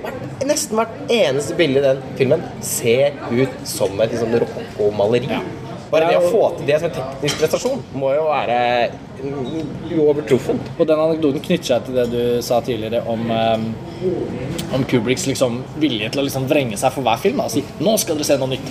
Noe dere aldri har sett før. Dette er liksom Og det er, eh, For meg er det ingen kostymedramaer av den sjangeren er liksom blaut òg, som kan måle seg. Også fordi Berlin er så spiss. Det er liksom noe med den Han er jo en dritt, liksom. Det er jo ikke den for, forbannede sympatien vi alltid må ha med disse Når folk snakker om antihelter, så Ja. nevner de alltid Taxi Driver og Travis Bickle. Men Barry Lyndon er en av de beste antiheltene vi har sett. ja, ja. Og når man tror det har gått ille, så går det liksom bare Ja, så er det bare verre. Den kløsa Ryan O'Neill Ja, ja, ja. Perfekt Perfekt casting. Ja. Så i hvert fall Barry Lyndon, det måtte bli den for meg, men vi, er, vi, har, vi har snakket om Kubrick, så. Og så har jeg altså Jeanne d'Arc av Dreyer. Jeg hadde faktisk ikke trodd jeg skulle ende opp med en stumfilm, for jeg er ikke noen spesiell romantiker i forhold til gammel film. Jeg syns mye av ny film er vel så bra. Og har hatt muligheten til å forfine alt som er gjort, og gjøre det enda bedre. Men du var jo inne på det, så nå trenger ikke jeg si så mye mer, men det er altså disse nærbildene som er helt av en annen verden. Og da mener jeg også at det er en film som ikke lar seg eh, repetere. Eh, det spiller ikke noen rolle for den filmen at de ikke hadde lyd, på en måte, eller ikke valgte å bruke Den kom jo veldig sent i stumfilmperioden, men de bildene av Falconetti er alene nok til at den filmen fortjener en plass. Og den er verdt å bare tenke på også i den dikotomien teater versus filmtanken. Ja. Den er jo Artaud spiller jo en rolle i den. Det er eh, tilsynelatende nesten ikke noe altså Det er veldig minimalistisk eh, scenografi. eh, Så da kunne man tenke at det er jo teater. Men måten man har konsentrert seg om et menneskets tilstandsspill på over lang tid, og syntetisert det inn i en film på eh, Måten portrettering og utsnitt, nærhet til ansikt, de tingene er eh, unikt filmiske. Men det er det, Så det er, det er antiteater på Ja, mange Men det er det overskridende filmspråket som Paul Schrader skriver om i den boka si, 'Transcendental Style in Film', med både Dreyer og Bresson og Osu, som vi også snakket om, og også hans filmiske rom, eh, som også på en måte Som er distinkt lite. Mishima skulle vært på listen min, vet du. Paul Schrader. Ja, ok, fortsett. Den er crazy shit. Jeg er ikke helt der oppe for meg. Nei, men altså, Det hadde vært det spenstige valg. Det Dreyer også gjør, er at han er så befriende lite Det er kanskje lett å si det, jeg vet ikke om jeg hadde den tanken første gang jeg så den, men uansett, det er jo ikke, det er på en måte ikke mye plott. Det er ikke mye Det er ikke liksom en historie nesten engang. Altså, det er litt denne underforståtte følelsen at vi, vi kjenner Jeanne d'Arcs skjebne. Og, og det der at de har, han har også skåret dette, denne myten og det hele dette som er jo blitt gjort episk i andre filmatiseringer om Jeanne d'Arc, så er det liksom denne veldig inn til dette, denne rettssaken. Det er til og med sånn at øh, jeg føler liksom hennes liksom når de på en måte utfordrer hennes skyld og, og snakker til henne, og liksom hun, hun står der mellom alle disse truende ansiktene, så er det liksom ansiktene som argumenterer mot hverandre. Det er ikke engang altså Det er stumfilmen på sitt reneste. Da, at liksom et, et strengt ansikt i en viss vinkel mot hennes liksom refleksive liksom litt åndelighet. De argumenterer med hverandre. Nærbildene står liksom i en slags dialog uten at det trengs å sies et ord. Og Det er liksom noe sånn styrken i å gjøre det så tidlig i filmhistorien, og ikke bli overgått. Det er Noe, av- noe, massivt. og det, det synes jeg også det er noe av det krenkende ved at hun tross alt skal til slutt henrettes. Vi vet hva som skal skje. Og for å bruke filosofen Levinas uten å bli for akademisk her, men også det å stå for den andres ansikt i et ansvarsforhold er egentlig tematisert veldig inngående i den filmen. Eh, Det er ubehagelig å være så tett innpå et annet lidende menneske. Det er også rørende. Det er en ambivalent og merkelig opplevelse som nesten Når jeg snakker om tilstand, så er det litt generell term, men jeg syns den har noe nesten hypnotisk, ubehagelig Den bringer deg inn i et nærvær til noen som ikke er et lett nærvær å stå i som tilskuer. Derfor er den også ganske radikal. Den er ikke sentimentaliserende fordi Altså, noen sa en gang å klippe til et nærbilde av noen som gråter, det er ikke humanisme. ikke? Det er dårlig smak. Men denne filmen beviser også at man kan tenke på en annen måte. At mennesker kan stå som en ærlig tilskuer overfor den andres lidelse og måtte forholde seg til det og bære det i en film. man, Det er en ganske sånn fysisk erfaring å se Jeanne d'Arc altså på stort lerret. Jeg har gjort det et par ganger, og det er en veldig spesiell opplevelse. Sist gang jeg så den, var det en stumfilmkonsert på Øya kino i fjor. eh, Tre uker etter 22. juli. Og da hadde Rocket to the Sky, eller Jenny Wahl, som lagde musikk, hun hadde blitt så berørt da, i de ukene som gikk mellom 22. juli og stumfilmkonserten, at hun fremførte noe mer sånn nesten som en slags dikt slash kommentarspor til filmen. Brøt av musikken og bare begynte å snakke.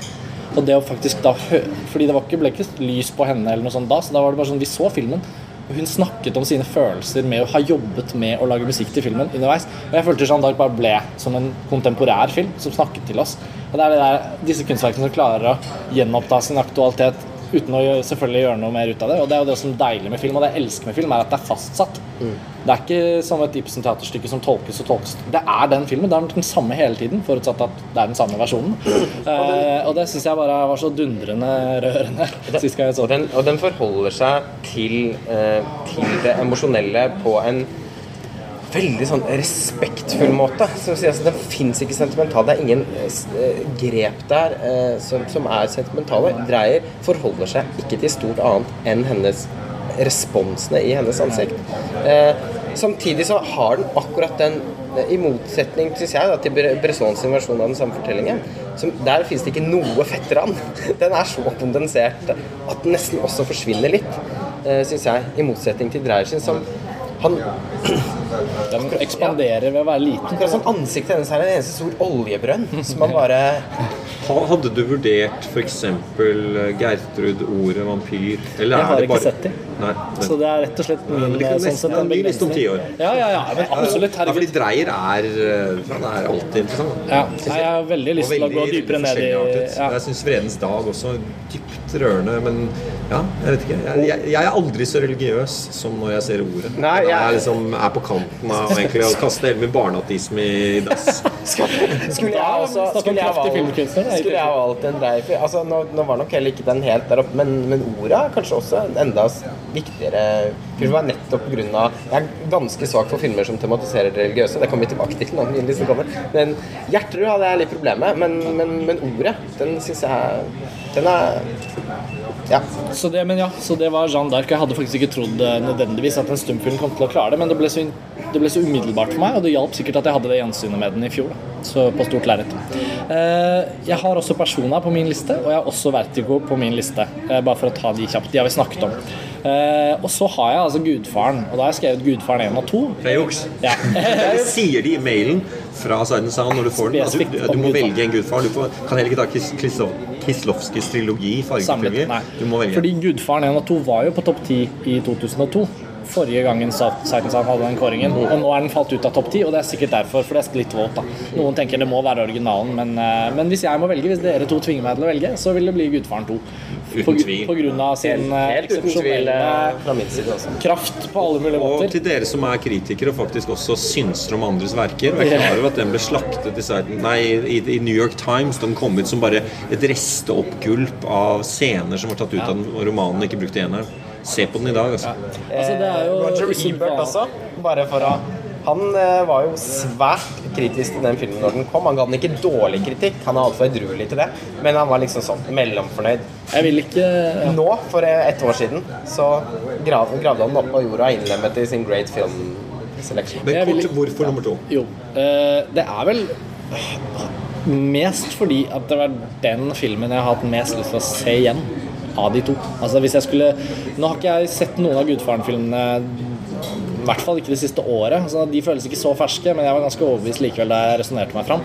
At Gudfaren 2 har på en måte den derre den, er kanskje den filmen på listen min som jeg føler mest har en sånn derre- sånn en knyttet neve av eh, filmisk på en måte perfeksjonalitet. Da. Eller det er noe med at liksom Altså Kontrasten selvfølgelig mellom eh, den unge Vito og Michael Corleone, de to skjebnene, de beveger seg i hver sin retning. Det er liksom både fortellermessig interessant hopp mellom tid, hvordan de forskjellige epokene peker over på hverandre, men også bare den der faktisk entertainment-elementet. Det er at det er så fett å sitte og se den. Det er sekvenser som er helt av en annen verden. Han går opp og liksom følger, går langs gaten gjennom jævla opptog opp, ned av altså, alle de ikoniske elementene som gjør at jeg får lyst til å se den igjen. Eh, og da visste jeg var forberedt på at jeg måtte eventuelt plukke ut toeren, en men eneren de hører jo veldig sammen. Og treeren har jeg nesten aldri sett igjen. Jeg har vel faktisk bare sett den én en gang, tror jeg. ja. Sånn at eh, jeg følte Gudfaren måtte med. For meg er det nok ikke det mest spennende valget på listen min.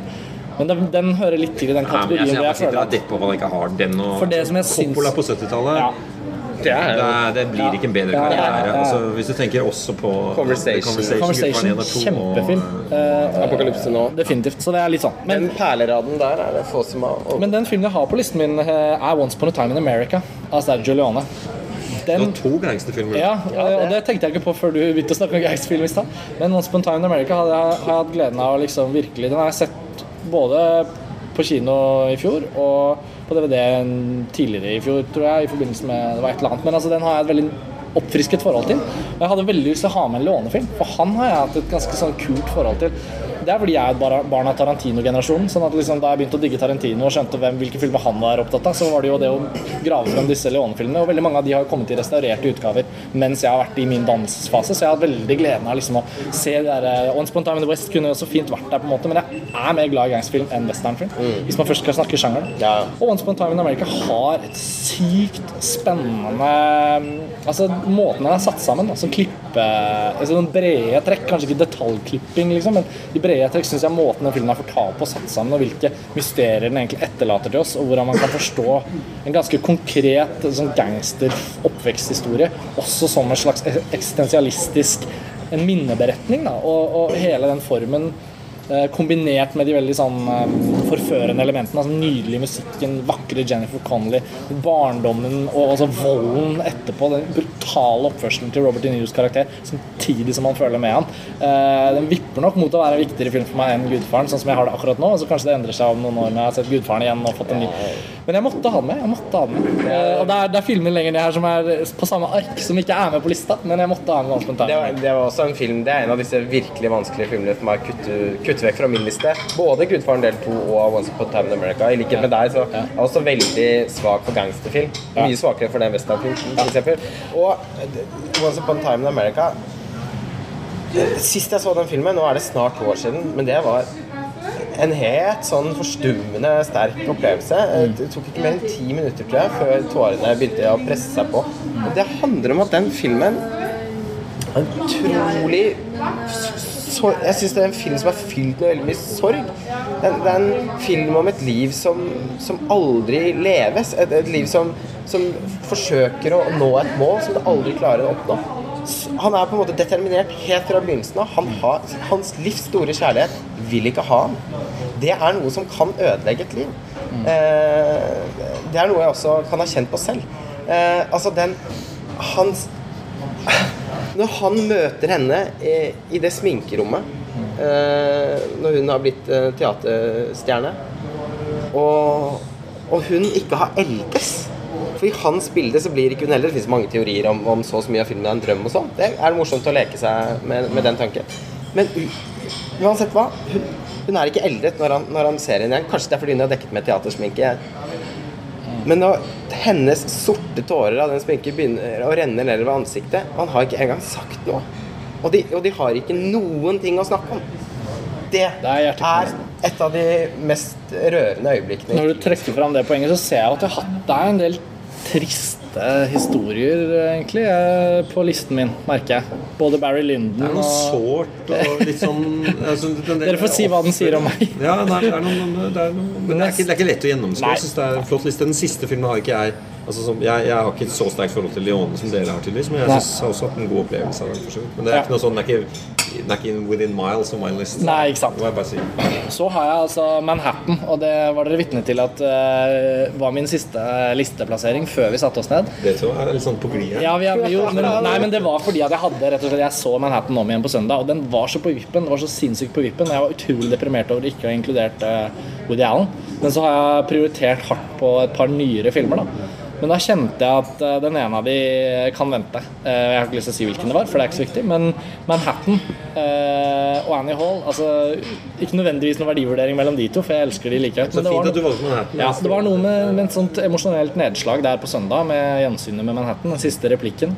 Hvor Mariel Hemingways, eh, klokere enn sin alder, da 18 år gamle karakter, sier til Woody Allen But you gotta have a little faith in people.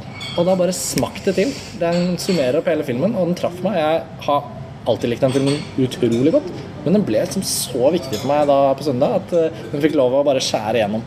Hun er jo en sannhetsstemme i den filmen. Et sitat som jeg ofte har kjent meg igjen i, er når hun blir dumpet av Woody Allen og sier Gee, suddenly I don't feel so good. Ja. Ja, det er, det er så sårt, og det er så sant. Og det er også så sårt når den dumme, men også rørende fyren eh, som Woody Allen da spiller, eh, som sikkert også er han selv, oppsummerer litt og så bare sånn But she was nice. She was always kind. I had a good time with her. Ja. Og så bare sånn Ja, why og- didn't you just Og når han igjen sitter og lister opp de tingene som han liker best med, med, med livet sitt, om det er liksom eh, Susanne sine epler og pærer, eller ja. Bergmanns svenske filmer, så kommer han til Tracy's Face. Ja. Tracy's, han kommer ikke unna det. Og filmen, som forskjønner jo også så innlysende hennes ansikt, det eh, ja, Han leter jo etter kontrast i film, ikke sant? At de skal ha en eller annen sånn form for dobbelthet i seg. Eh, Hiroshima og Namors inntrengen i et veldig privat sfære om en sorg satt i sammenheng med det store spørsmålet om atombomben. ikke sant? Eh, altså Det er Goodfellas, den lille fortellingen som er satt i sammenheng med det store Amerika. Eller, eller Persona, som jo bare formmessig jeg syns er så radikal, samtidig som den handler om hverdagsmennesket i Sverige. Ja. Og så videre, og Og- og- og her, ja, på en liten øy. Og her, her så, så mener jeg at du er, altså, Manhattan er klassisk. Den har liksom tatt seg selv visuelt ut i en større sammenheng, samtidig som han nettopp tør å være så nær, inderlig og hverdagslig, egentlig. Om sånne mennesker som Og han har jo fått masse kritikk for at hvem bryr seg om disse selvopptatte intellektuelle New York-karakterene osv. Men det er det at han tør å si jo, de er viktige, og de skal filmes av Gordon Willis i sort-hvitt. Og de skal se flotte ut, men de skal også få lov å snakke om hverdagslige ting. Det satt i sammenheng syns jeg skaper et, en styrke i den filmen. Og så er det noe med at filmen også føles ut som at han har eh, kommet seg gjennom noe med Annie Hall. Eh, den, altså det, det er, den er litt sånn rensket for støy, syns jeg, Manhattan. Annie Hall er på mange måter også eh, Woody Allen sitt oppgjør med postmoderniteten. Han, han, som, som klarer, han klarer ikke å si sanne ting. Han er nødt til å by på referanser. Akkurat som han skal forsøke å si at han elsker det enkelte, så Annie Hall, så klarer han ikke det. I love you, I love you. Eh, altså, eh, men han er liksom, og, og, og filmens form også innreflekterer Alvy Singer eh, sin problematiske sitt, sitt problematiske forhold til, til, til verden. Da. Den er mer selvkritisk og selvrefleksivt. Igjen selvransakende. Ja, den har også, det er noe med den der, det, er, det er et par speil i filmen som jeg liker veldig godt, hvor han, han dumper henne, Mm. og hvorpå han da blir dumpet av Diane Keaton. Og der er faktisk Woody Allen fortreffelig skuespiller. Det tenkte jeg da jeg så på han en en sånn What? Why? Altså, så han var virkelig Hva er det de sier? Ja. Ja, veldig er de sier på engelsk? Altså flabbergasted eh, over å bli dumpet. Hvordan kan du Hva er det du mener? Altså han idioten min og en venn, og den oppgjørsscenen mellom de to kameratene, hvor det er altså noe så herlig visuell humor, hvor Woody Allen gjennom hele scenen står ved siden av et sånt apeskjelett. Sånn rett, rett ved siden av i framen. Nærbildet, liksom helt identisk. Og så, så til slutt så kommenterer han det bare sånn what you, you like that guy? Ja, altså det er, ja. Så den bare var så frisk, og den bare måtte rett inn på listen. Og så har jeg eh, Steven Spielbergs Jurassic Park. Som en av de ti viktigste filmene som noensinne er laget. Eh, det, Og hvorfor det? Nei, det er som om jeg fisker etter at det skal være en provokasjon. Jeg vet ikke, jeg vet ikke om det egentlig er det. Ja, men det trenger ikke nødvendigvis være det. Og For meg er det på en måte den mest utrolige filmen jeg har sett. Eh, og, og, og jeg skal komme til det. Jeg skal gjøre det litt kort, for jeg tror Ja. Jeg håper ikke vi tester lytternes tålmodighet, men vi har så åpenbart stor glede av å snakke om disse topplistene at vi nå også da begynner en form for innskjerping. Uheldigvis kommer du sist, Lars Ole. Men jeg skal være presis. altså. Heldigvis har jo mange av filmene blitt snakket om. Ja. Så Men Jurassic Park, for det første så er Steven Spielberg liksom populærfilmens eh, store mester i mine øyne, sammen med en annen som jeg også da kommer til, som er den siste filmen på listen min. Men Jurassic Park er for meg på en måte den moderne, eh, ekstremt eh, tilgjengelige versjonen av filmmediets natur og mulighetene som ligger i det. Og for sin generasjon, den tar i bruk de verktøyene som er tilgjengelige for å gi oss noe enda mer. Nå er det ikke bare toget som ankommer stasjonen, nå er det Og også fordi plottet da handler om at man har gjenskapt dinosaurer pga. gener man finner i rav hvor det har blitt kapslet inn en mygg som en gang stakk en dinosaur. For meg er det på en måte på et sånt helt basalt nivå noe helt utrolig. For en flott filmidé. Eh, Det er selvfølgelig en roman det er basert på, men uansett, altså det, som filmidé så elsker jeg det. Ja, jeg vil veldig gjerne se dinosaurer. Og fordi Spielberg og gjengen i 93 var kommet til det punktet hvor de kan gjenskape dinosaurer for oss, så fremstår den scenen i filmen hvor de, de besøkende arkeologene eller dinosaurforskerne, eller hva man kaller dem, eh, hva termen er for det, når de får se dinosaurer for første gang, så får også vi se dinosaurer for første gang. Og Spielberg som en slags sånn filmtekniker nesten gir oss muligheten og snur kameraet. Og der er dinosaurene. Og det i seg selv, både fordi jeg opplevde det på en kino da jeg var ti år gammel og var helt oversvømt av begeistring, og alle gjensynene og så kommer alt det andre. Altså, musikk, spenning, måten altså, Spielberg som en slags sånn virtuos liksom, Det er masse å ta opp, men det er egentlig bare det. Det er derfor jeg har den på listen. Men den har en, eh, en eh, attraksjonsverdi. Altså Det du Ja. egentlig nærmer deg å si, er jo på en måte at på en måte så er det en veldig sånn hypermedierende opplevelse. Man er veldig bevisst på at dette er, dette er effekter. Dette Det syns jeg er en utrolig viktig del av filmen som liksom, kunst- og opplevelsesform. men, men samtidig så er den også veldig forankret i en viss realisme. Altså, Ja, for det er ikke science nest- fiction, Nei, egentlig. ikke sant? Og det er nesten eh, du som er veldig opptatt av André Bassin, da Ja. Den har nesten en sånn type kvalitet også. Eh, Og den har den, Jeg liker i hvert fall å lese den i den eh, vinklingen. Ja, det vet jeg. Det er derfor jeg nevner det. Ja. Men den eh, Altså, du snakker om liksom Hvordan var det for, for de første som så toget ankommer stasjonen til Lumière-brødrene? De, de, de trodde at toget kom ut i sal. Det var litt sånn det var å se Jeg var seks år når jeg så Jurassic Park, ikke på kino. Det fikk jeg ikke lov til. Jeg fikk se den på VHS. Altså, det var Det var som om filmen bare kom ut i stua. Ja. Og da, men men med, med det også så føler jeg at generasjonselementet av å lage en liste kommer inn. ikke sant? Så er man av visse generasjoner, så er det Nei, sånn men Jeg husker også at det var imponerende eh, teknologisk og erfaringsmessig. Men jeg syns bare fordi jeg var litt eldre enn dere, at det kanskje var sånn tematisk litt sånn slakt. Nei, Altså, det var spennende. Det var... Og, jeg, og det deilige også, nesten, er at jeg har ikke noe sånn Jeg har ikke noe behov for å uh, skape et sånt radikalt forsvar for Jurassic Park. Nei, eh, ikke sant? For den, nei, men sånn for den svakheten. Det, er sånn, det er bare ikke det Det, blir liksom, det spiller ikke noen rolle for meg. på en måte Men jeg har filmer jeg ikke ser om igjen. Eh, Jeg så ET som niåring tre Ja. ganger på Colosseum igjen. ja. Og jeg kommer aldri til å se den igjen, mindre jeg gjør det med, med, med hvis jeg får noen barn eller sånt. Ja. Men, eh, ja. Altså, jeg, jeg, jeg ønsker ikke å se IT om igjen. Jeg jeg Nei, vet den at, jeg vet den at den aldri vil stå seg til min Den opplevelse. Den, godt. eh, den er jo en av mine boblere. Som Ja. at jeg jeg syns jo fraværet av Spielberg på den topp 250-listen er ganske problematisk, men uh... Det er så mange andre kamper å slåss. Hvorfor slåss vi ikke for Bjørn Lett eller Chris Marker istedenfor? Spielberg kommer til å leve videre og bli husket, det er ingen tvil. Nei da, men, Men-. Men, men, men ja, IT syns jeg fortsatt er akkurat like gripende som, som den var da jeg var barn. Altså, den Nå skal, Du skal få slippe å se den igjen, men den eh, måten Spielberg fanger barnets blikk på i ET, er enestående, syns jeg. Eh, jeg vet jo også at det var en av Stanley Kubriks ti favorittfilmer. Eh, det er en besnærende tanke. Jeg har ikke IT på listen min. Nei, den men jeg ser at den er en bobler. Ja, den aller siste. Ja, den er bobler her, men jeg skal ikke gå inn på det. Det er, det er ikke noe vits i å snakke om de som ikke er der. Nei.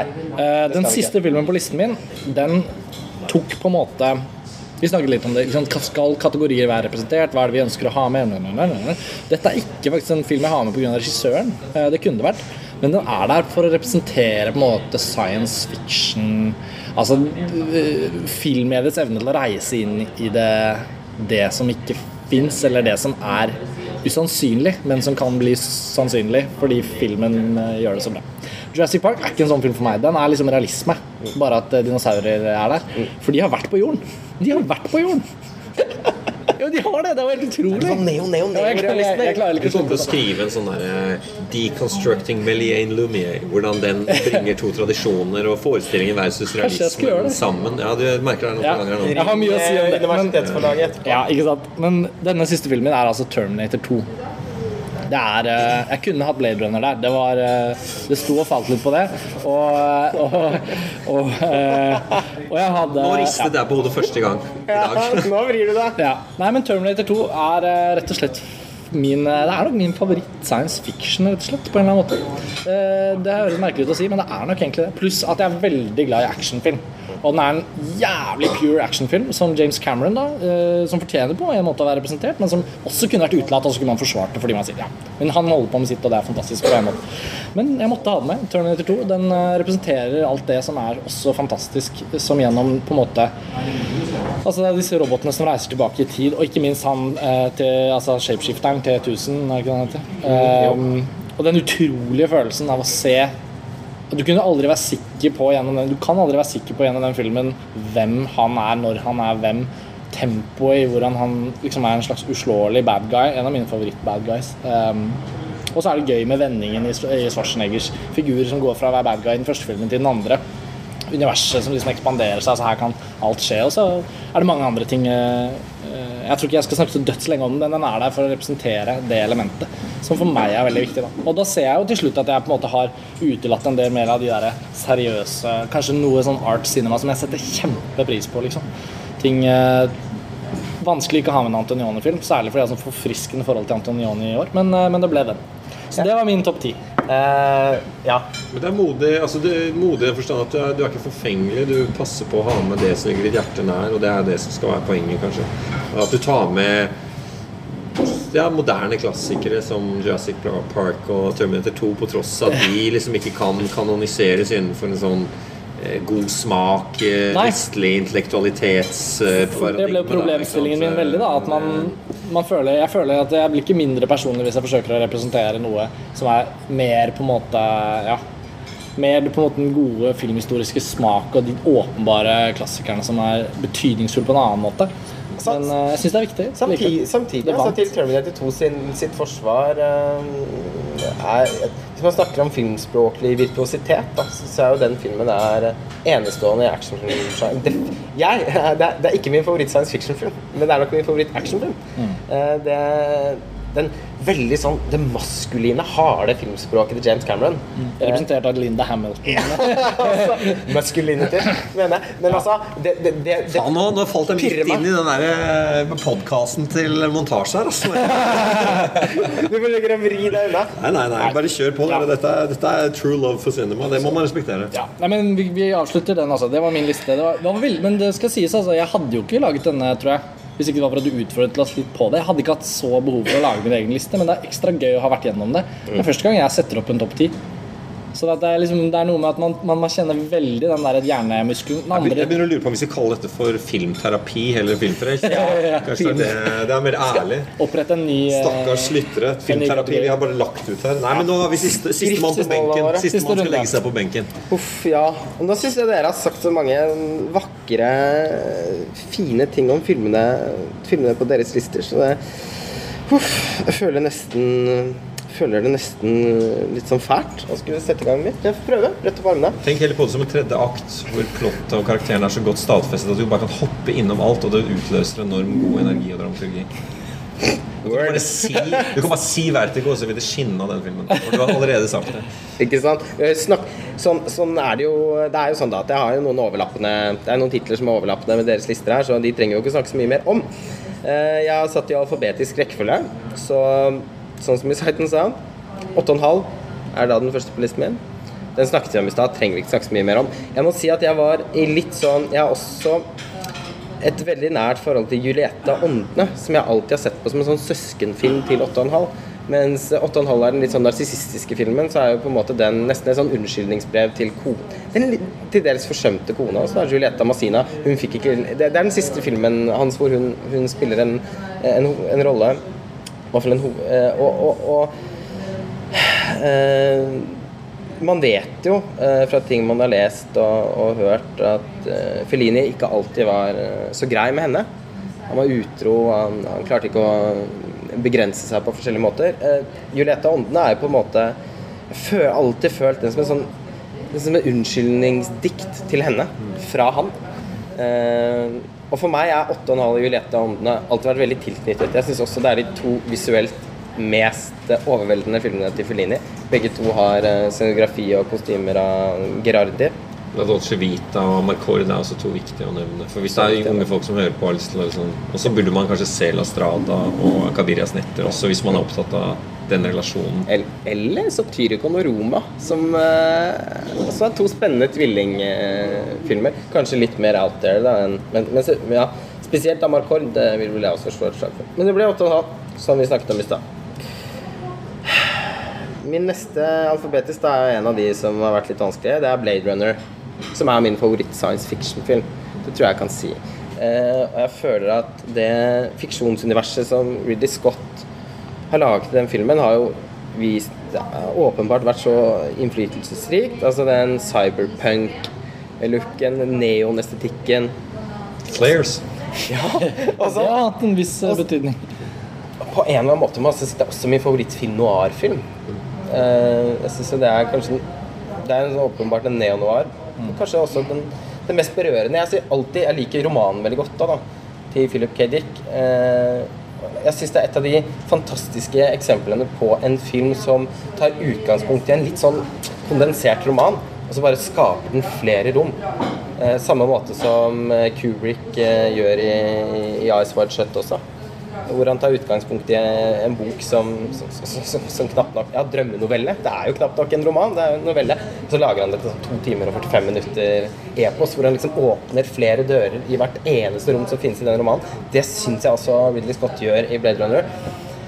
Og vi snakker om liksom mann mot maskin, da, som er en eh, av science fiction-filmens grunnleggende problemstillinger, så er nok også Blade Runner den som jeg syns gjør det med mest skjønnhet og mest inderlighet. Bedre enn Fritz Langs Metropolis også. Ja, det, det syns jeg det griper meg med. Jeg synes, Jo, det er et eksempel Altså, synes jeg, på liksom gammel film versus ny film. Hvilken vil man egentlig sette mest pris på? Jeg ville mye heller sett Blade Runner enn Metropolis. Ja, og så har man noen sånn nerdete faktorer òg, selvfølgelig. Som jeg synes Soundtracket til Vangelis er kanskje det jeg har hørt på flest ganger i hele mitt liv. Sikkert tusenvis av ganger. Sean Young. Er fantastisk. Ja, hun er fantastisk. Og, og, og, og lyd, filmens lydbilde og sammensmeltningen av originalmusikk og lydbilde. Det er så mange ting med denne filmen. Den legger på en måte grunnlaget for en moderne, presis scenografi versus lysbehandling og kamerabruk som du kan si den, den, den føles fortsatt veldig moderne. Ja, den gjør det. Uh, Og den er samtidig som den gjør det som vi digger ved science fiction-sjangeren, som at den får lov å være nakent filosofisk. sant?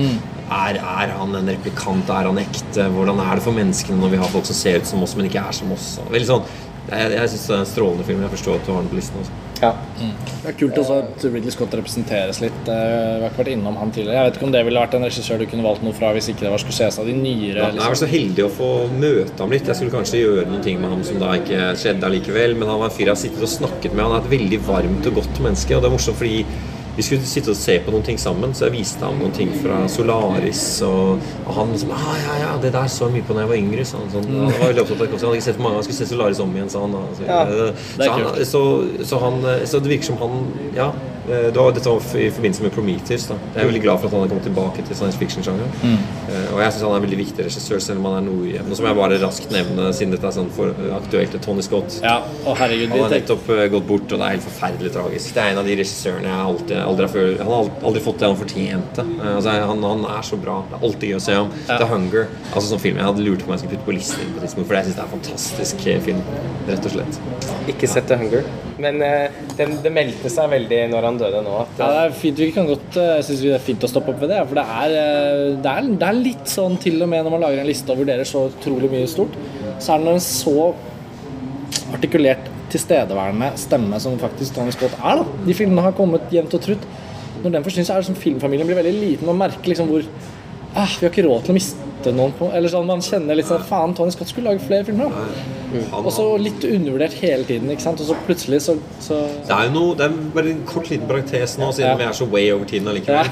En ting vi ikke har snakket om, er også det at folk har en slags sånn pop-art-kvalitet eh, som gjør dem aktuelle og uaktuelle. Plutselig så er Lynch og Wong Kar-wai er ikke på disse listene til folk, eh, annen grunn, mens for ti år siden så var det the hottest shit in town. Liksom, det var så kult. Eh, og ting går inn og ut av fashion. Det er mote, det er popkunst å lage film, og look og følelse, assosiasjon. Det det er noen sånne ting der som kommer og går litt, og man kan være heldig og uheldig over ti år. Eh, og sånn er det litt. Jeg syns Ridley Scott og Tony Scott har stått for en sånn popkulturell eh, de, de har liksom fått litt bensin på bålet. De har gjort ting som har vært altså, visuelt sensuelle noen ganger. Og noen ganger så har de også begge feilet og gjort veldig kitsch og dårlige ting. Men stort sett så har de liksom prøvd å være i kontakt med en eller annen liksom, reklameaktig estetikk, men de har likevel brakt den inn i et alvor, inn i en fortelling, inn i noe større enn bare en reklamefilm. Og de har jo mange, mange mange etterfølgere. Jeg vil jo også faktisk putte Altså Helt klart folk som Michael Bay og sånn er veldig fans, men eh, jeg mener også at David Fincher fins også i kontekst av at eh, Ridley Scott har laget filmene han har laget, og fått lov å jobbe på den måten rent teknisk. Mange paralleller mellom Blade Runner og Seven, f.eks. Den, Ja. har jo til og med hen, konkrete henvisninger til uh, Det er altså disse, disse folka som kan noe om visualitet, som er så raffinert og får tid til å lage parfymereklamer, sånn at de har brukt masse tid på å sette opp et bilde, og så skal de putte det inn i noe større, nemlig en fortelling om karakterer, mennesker med større dramaturgi. Og de få Det er mange som feiler når de skal ta det skrittet, det har vi sett masse eksempler på, men de få som får til det, de står i en tradisjon med også folk som Hitchcock eller Kubrick, som har vært teknisk virtuose og vet at de må slåss for millimeterne av hvordan de skal sette kamera, bevege kamera, få på linsen, sette lyset sånn. Eh, Og det er jo masse fortellinger om hvordan Ridley Scott slet med de tidlige filmene sine. Eh, Spesielt Alien, og, og ikke så mye med The Duelist, men med Alien og, og med Blade Runner når han skulle jobbe med teknisk stav som ikke forsto hvorfor han brukte så lang tid på å sette opp bildene sine. Ikke sant? Dette er ting som vanlig publikum ikke vet, men det, å lage sånne bilder tar en helvetes tid. Altså.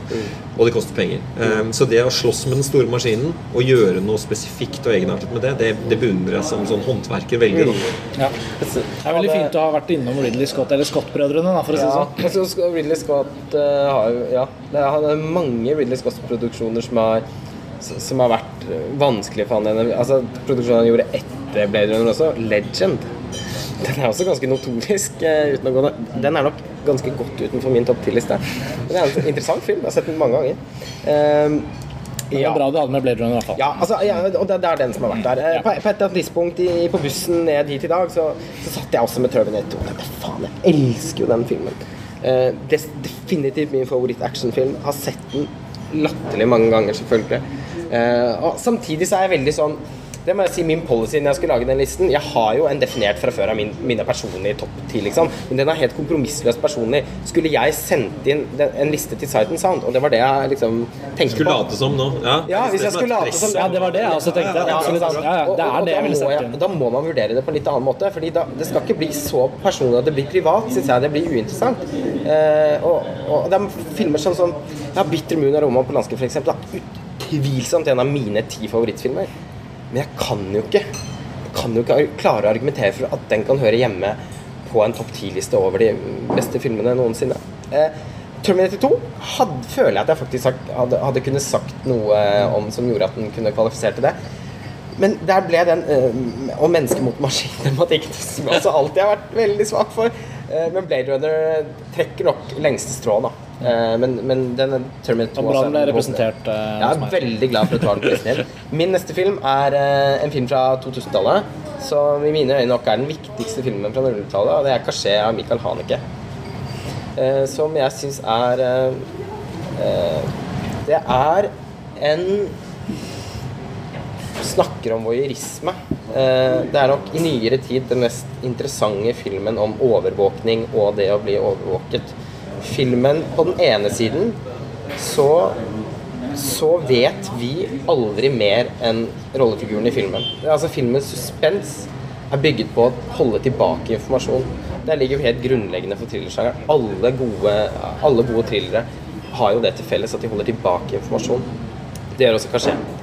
Samtidig så observerer vi dem også. Eh, og ser ting som de ikke ser. Så vi havner i en sånn dødsone mellom å ikke vi, aldri vite noe mer enn dem, og samtidig vite ganske mye mer. Fordi at vi, i motsetning til dem, klarer å se dem. Og et av de tematiske kjernepunktene i Kasjé er jo nettopp at rollefigurene ikke klarer å se seg selv.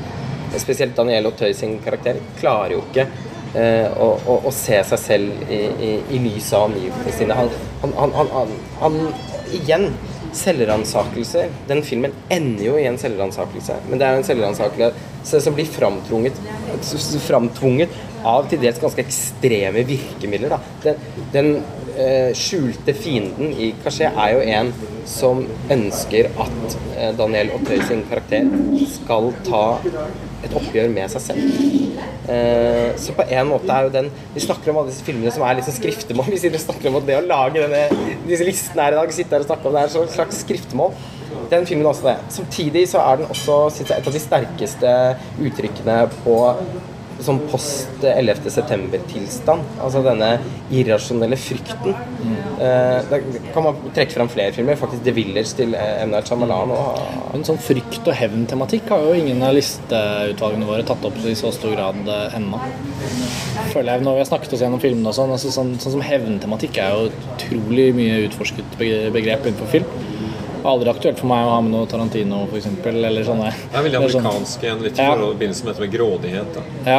Men igjen så bryter jo ja, han ikke det ned. Ikke sant? Fordi ja, han gjør det på sin egen måte. Nei, det handler jo ikke om tilfredsstillelse. Du, du, identifiserer deg ikke med hevnbegjær så mye i den filmen. Nei, man gjør ikke det. Du er mer et offer for det. Og det er jo nettopp det du var inne på, en sånn samfunnsmessig post 11. september-følelse.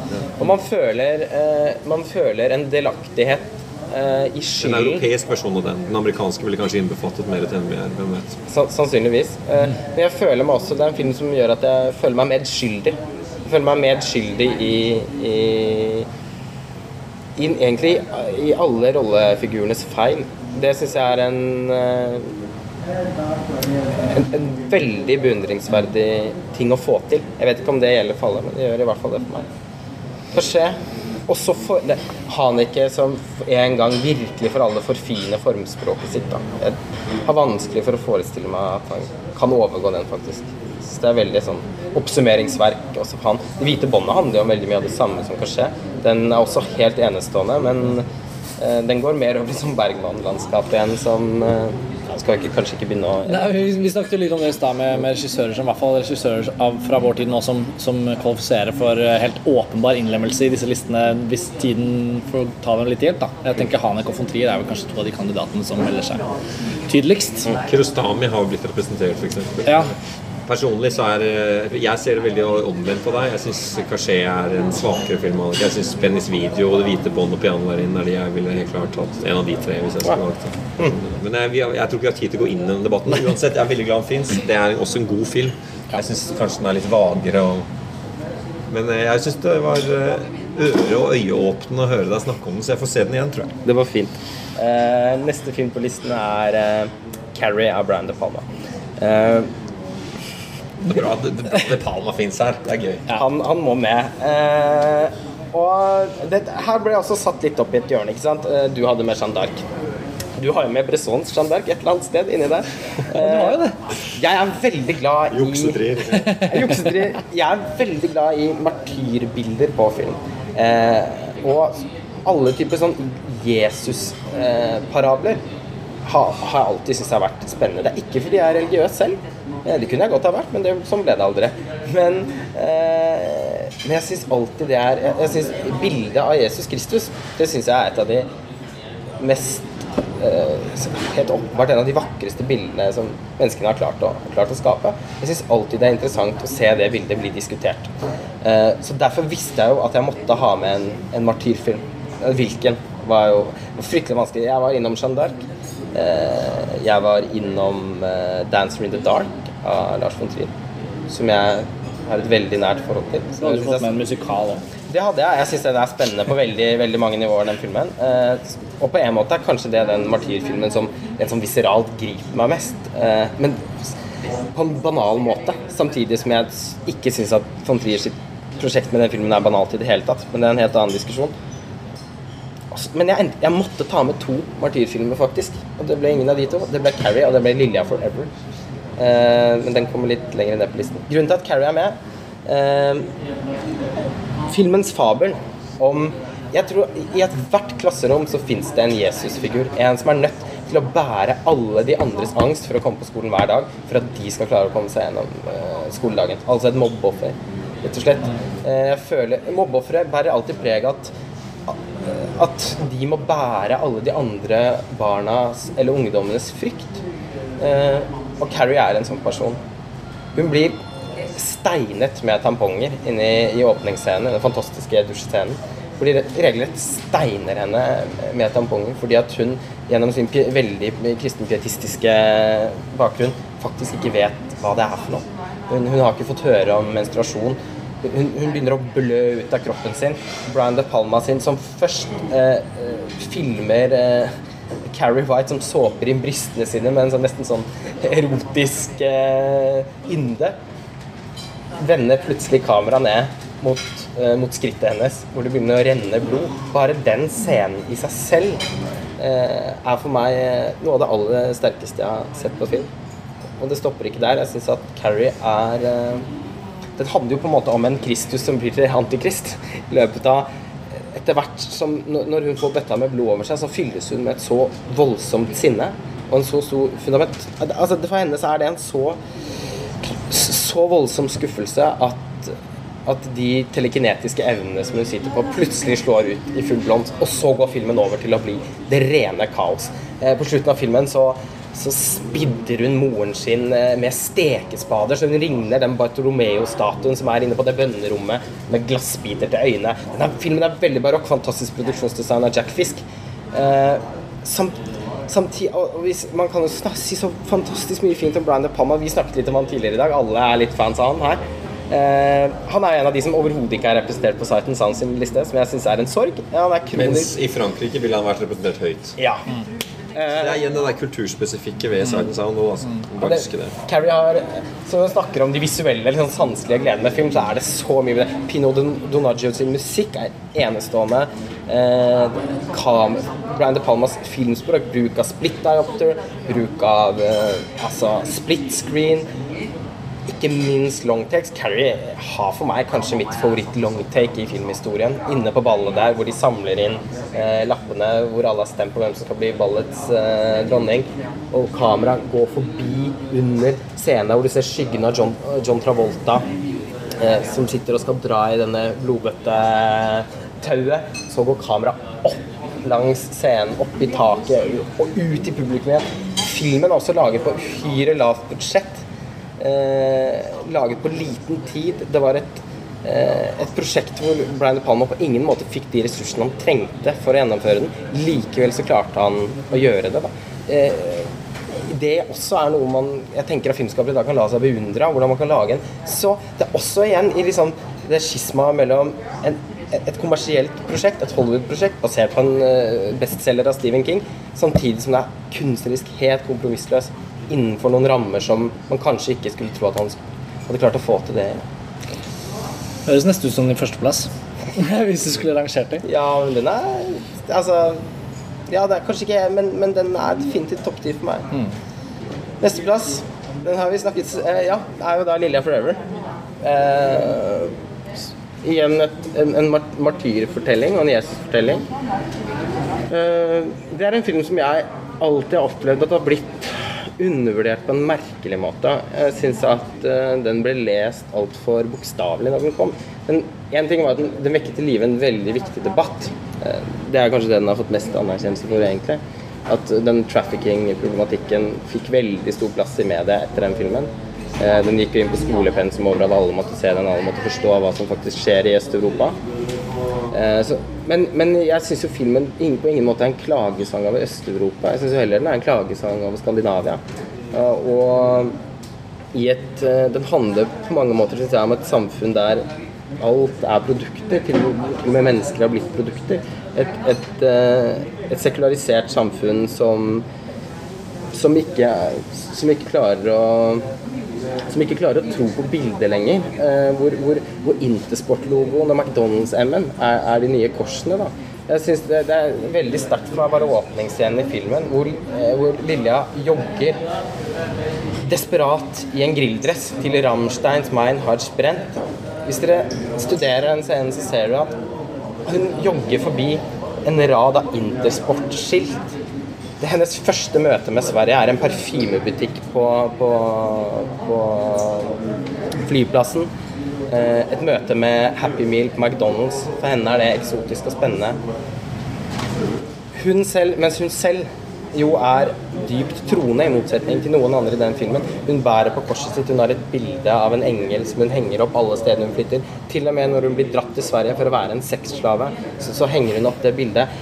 Det- For meg er den historien så ja, for, meg er det et av de sterkeste Jesus-fortellingene jeg har sett. Hun, og hun, får, hun dør også, og hun får lov til å gjenoppstå med englevinger på taket og spille basket med, med kameraten sin som, som også er død fordi han har kastet i seg en, en boks med piller. Jeg begynner å grine nesten bare av å høre deg snakke om den filmen. Jeg er Påminnelse om hvor jævlig den egentlig Jeg, jeg syns det er forferdelig. Jeg hater den filmen. Jeg synes det er, vi har ikke tid her til å gå inn i debatten. Jeg, jeg synes det er veldig bra vi er enige om noen ting. Vi har sittet alle tre og vært enige om nesten alt. Takk skal du ha for at du brakte noe på bordet som jeg virkelig syns er utrolig banalt. Jeg syns den filmen undervurderer meg som tilskuer.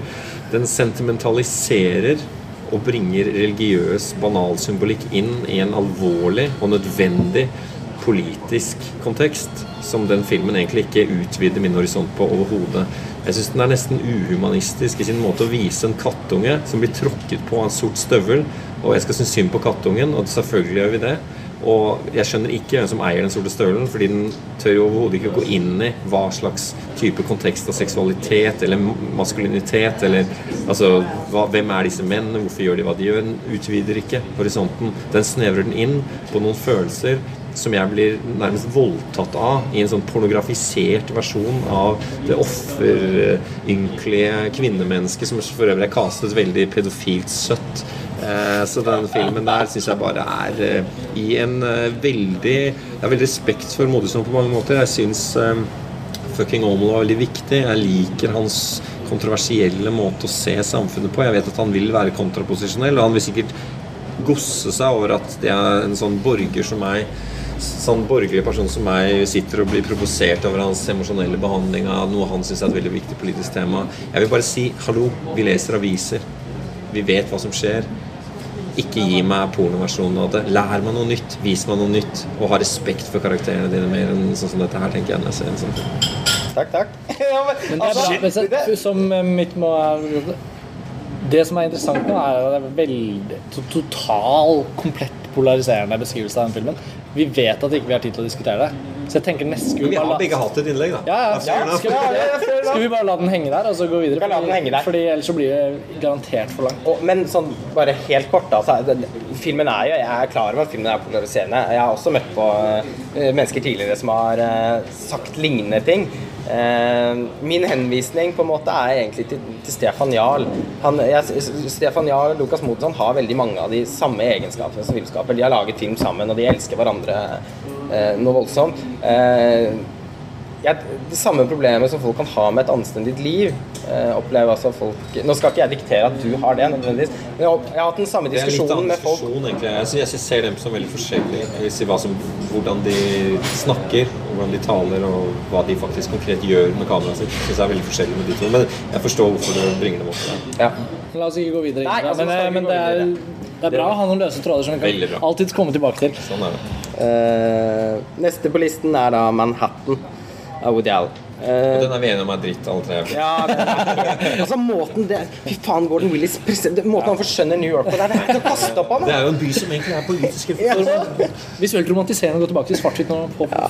Kanskje det vakreste sort-hvitt-fotohistorien av Gordon Willis. Eh, Men det er en god konkurrent til neste der. Ja, altså, vi trenger jo ikke å, jeg føler ikke at vi trenger å Nei. snakke mer om Manhattan. Eh, Jeg, det eneste jeg kan si, er at jeg hadde ikke noe behov for å se den filmen opp igjen. Eller, da, i forbindelse med, den, den er helt suveren for meg. Det er en av de filmene som har betydd mest for meg i livet mitt. Som jeg sett mange, mange mange ganger, og som jeg elsker av hele mitt hjerte. Eh, det, var, det er vanskelig å bare ha med én Woody Allen-film. Eh, Annie Hall, Hannah and Her Sisters, eh, kanskje de to spesielt, meldte seg også veldig Men, men for meg er Ja. Nei, det var veldig treffende bare det, i connection til Woody Allen, som du sa tidligere. Dette med at han ja, han faktisk forteller oss noe veldig sånn rikt om å være menneske. Om å være menneske. Og det glemmer man, fordi Woody Allen blir så Det blir en sånn karikert filmfigur som det er lett å diskutere uten å kjenne filmene hans særlig godt. Man kan fort referere til Woody Allen. Men den sannheten som ligger der når man virkelig har begynt å føle på det, det, det er ganske gjennomtrengende. Og den innsikten finner man også i, i Annie Hall. Men, men for meg så er Manhattan som er så vidt nevnt, så den er liksom rensket for litt av den støyen. da Som ikke på ingen måte ødelegger altså, Den er også en del av å gjøre Man- Annie Hall til det den er. Men jeg blir nok enda mer grepet av Manhattan. Og så syns jeg jo selvfølgelig at filmen rent visuelt er helt gåsehudframkallende vakker. Den scenen inne på planetariet der som er skutt som er nesten helt sort, hvor det bare skjer sånn hvitt, svakt omriss av, av, av figurene, er vel Nei, det ja. Takk om det. Eh, persona. Eh, men her var jeg i en veldig vanskelig situasjon. Å velge én Bergman-film, det var fryktelig vanskelig. Min rent subjektive, nostalgiske favoritt er jo Fanny Alexander. Det er også en film jeg kunne sagt at liksom var min favorittfilm. Eh, for det er på mange måter en film om alt jeg syns det er verdt å lage film om. Veldig et oppsummeringsvær. Veldig Bergman som setter seg på bakerste rad, bakerste i, i, teatret og, og, ser tilbake på, på, på, tingene han har diskutert gjennom hele karrieren sin, men med en gammel manns ettertenksomhet, samtidig som den har en helt uimotståelig underholdningsverdi. Um, men, hadde du bestemt deg for å bare ha én film fra hver regissør? Ja, det hadde jeg. Hadde, hadde, du også bestemt deg for det, Joakim? Eller var det åpent? Ja, Med et unntak så hadde jeg det. ja, det jeg, hadde, jeg hadde nok egentlig det var det som knakk listen min. Ja. Eh, men som sagt så ønsket jeg å innta en litt sånn annen eh, ja, den, den, personlige listen min kan jeg uansett ha litt for meg selv. Skulle jeg sendt inn en liste til Sighten, så, så tror jeg jeg hadde valgt personen, jeg også. For jeg opplever det som mye, mye viktigere film. Eh, og en mye viktigere film, ikke bare for filmhistorien, men også for Bergman selv. Mm. så, så, mitt valg ble faktisk også personlig. Men det var veldig vanskelig å ta. Men den har vi da alle på listen vår. Samme som Vertigo. Uh, det er jo interessant, syns jeg. Ja. De er jo ikke ulike i sin tematikk, de heller. Nei. Egentlig. Nei, på, på, mange måter er det jo ikke det. Min neste film på listen er The Shining. Som jeg pleier å si at er min favorittfilm. Uh, det var vel filmen som for alvor gjorde at jeg ble filminteressert på et sånn neste nivå uh, når jeg begynte på ungdomsskolen. Men, det, men det, er, det, er, ikke grunnlaget bare det for at, for at denne her så snakket vi om Kubrick-komplekset. Han er jo et helvete å forholde seg til når man skal lage sånne lister. Fordi alle, nesten i hvert fall alle filmene hans er så gode, så forskjellige. Så hvordan kan man si at The Shining er bedre enn Barry Lyndon, eller at Barry Lyndon er bedre enn Clockwork Orange eller 2001? Det nytter ikke der må man rett og slett bare gå og velge sin personlige favoritt. Min er da eh, The Shining. Eh, de som var nærmest å komme opp, var faktisk Barry Lyndon og Ice White Shut, som jeg også er veldig svak for. Men det ble The Shining. Eh, for meg hans mest filmspråklige forfinede film. Jeg syns det er den mest suggestive filmen som er laget. Den rent sånn fysiske effekten av å se, se The Shining har jeg aldri opplevd med noen som helst annen film. Det refererer jo mye til Fjord marinbanen', som du også hadde oppe som en film du likte veldig godt. Ja. Det er mange paralleller mellom de. Ja, for Nå kan vi begynne å diskutere hva den listen sier om Lars Ole. Vi har vært inne hatt en liten sånn vurdering av personlighet. Du må komme gjennom listen hans ja, først. Ja. Ja, han, ligger på, han, ligger på, benken fortsatt. Ja, jeg gjør det. Uh, jeg, er også ganske, jeg er også glad i horrorfilm, da, det må jeg si. Så det er en sjanger Det er en ting vi merker i den mm. listen her. Mm. Ja. Mm. Så, så, det er en sjanger som alltid har vært uh, viktig for meg, og, og The Shining er jo den mest, ja, det, det, er den første virkelig moderne horrorfilmen, syns jeg. Den tar også steget opp fra den, den okkulte horrorfilmen eh, på slutten av 60- og 70-tallet med eh, Rosemary's Baby og, og Exorcisten. Men, men, The Shining tar i utgangspunktet i noe av den samme okkultismen som ligger i de, men den, eh, den, den føles, oppleves så mye mer moderne, syns jeg. Den, er også, den, den mesker seg i sine konvensjonsbrudd. Lyset skal alltid være på. Det fins nesten ikke én scene i filmen eh, som er skutt i mørket, bortsett fra helt på slutten hvor de løper rundt i labyrinten. Eh, han unngår nesten alltid altså sjokk, nesten strippet for sjokkeffekter. Idet sjokkeffektene er i filmen, så blir de der i sånn ut, litt sånn utholdelig lenge. Damen som kommer opp av badekaret. Ja, det er altså så jævlig, det bildet der. Det er marerittbilde. Det er en, en film som ikke leker så mye med fravær. Den leker mer om frykten du har for å måtte se på noe. Nesten. Ja, er, du får ikke vende hodet vekk altså, fra. Rom 237, det er akkurat det det representerer. Uh, vi, altså, Men du har altså to filmer på listen som er skrevet av Stephen King? Det har jeg. Det, det, det er interessant. Det oppleves som litt spesielt. Carrie og denne. Ja. For Jeg tenkte på, jeg har nesten ingen romanadaptasjoner på listen min. Nei. Alt er originalmanus stort sett, med unntak av Goodfellas, egentlig. Og litt sånn ja. ja det er... Så jeg bare tenker jeg bare, Vertigo er jo eh, skrevet av romanforfattere. Men Jeg tror ikke det er en adaptasjon. Nei. Men det skal sies med adaptasjon av The Shining, da, som alltid gjelder for Kubrick, at en veldig veldig løs adopsjon. Han tar utgangspunktet Det han låner fra Stephen King, er nesten en slags high concept. Jeg har lest romanen, og den er, kunne ikke vært mer forskjellig. Den kunne ikke appellert mindre til meg. Eh, så Det samme gjelder for Carrie. Eh, Carrie har jeg aldri lest i sin helhet. Lilla Forever er også en slags Stephen King-variant av en artikkel i Dagens Nyheter, på en måte. Tuller. Unnskyld. Noe må vi være uenige om. Ja, men jeg, Jeg vil, høre, jeg vil høre mer. Hva er neste film? Neste film er eh, Helt kort til slutt om Shining. Lyd, eh, altså bruken av musikk i den filmen. Eh, og, og måten Kubrick eh, lager Altså scenografien i den filmen. Bruken av hvitt, sort, rødt. Disse endeløse tracking-shotene. Eh, måten den filmen også er helt revolusjonerende i sin bruk av steadycam på, som er en av mine favorittvirkemidler i film. Eh, Den ja, nei, men dette er også en film jeg har snakket så mye om på både Filmfest og montasje, så jeg nesten, blir nesten kvalm av å snakke mer om den. Men Du kan referere også til eh, tidligere ja. For det er veldig gøy, den lange artikkelen din på montasje, ja. eksempel. Der er det, du går veldig inn i altså det, er, det er gøy når noen har en favorittfilm som er så veldig noe de har gått inn i. Ja. Jeg vet ikke hvilken av de ti som eventuelt er din favoritt-favoritt, eh, Joakim, eller om du har utelatt den fra listen. Men det er noe med sånne filmer som man dyrker så hardt at den nesten blir utømmelige. Og det kjenner jeg deg rett, så, så er den en sånn funksjon for deg. At det der med forholdet til The Shining Og da, da må den jo inn på en sånn liste, selvfølgelig. Selvfølgelig. Når den er helt liksom ubegrenset eh, Jeg tror vi, vi, vi ikke begynne å snakke noe mer om den, for da det blir Men det kommer, tydelig, det kommer tydelig frem. Neste, Vertigo. Den har vi snakket nok om. Eh, siste så har vi egentlig også snakket nok om. Det er da Zerkalo, eller Speil av Tarkovskij. Og, og det var vel min liste. Ja. Det er, en, det er, det er interessant her òg. Jeg, jeg syns ikke jeg kan se noen klar tendens i listen din. Altså, den er, den representerer mange forskjellige ting.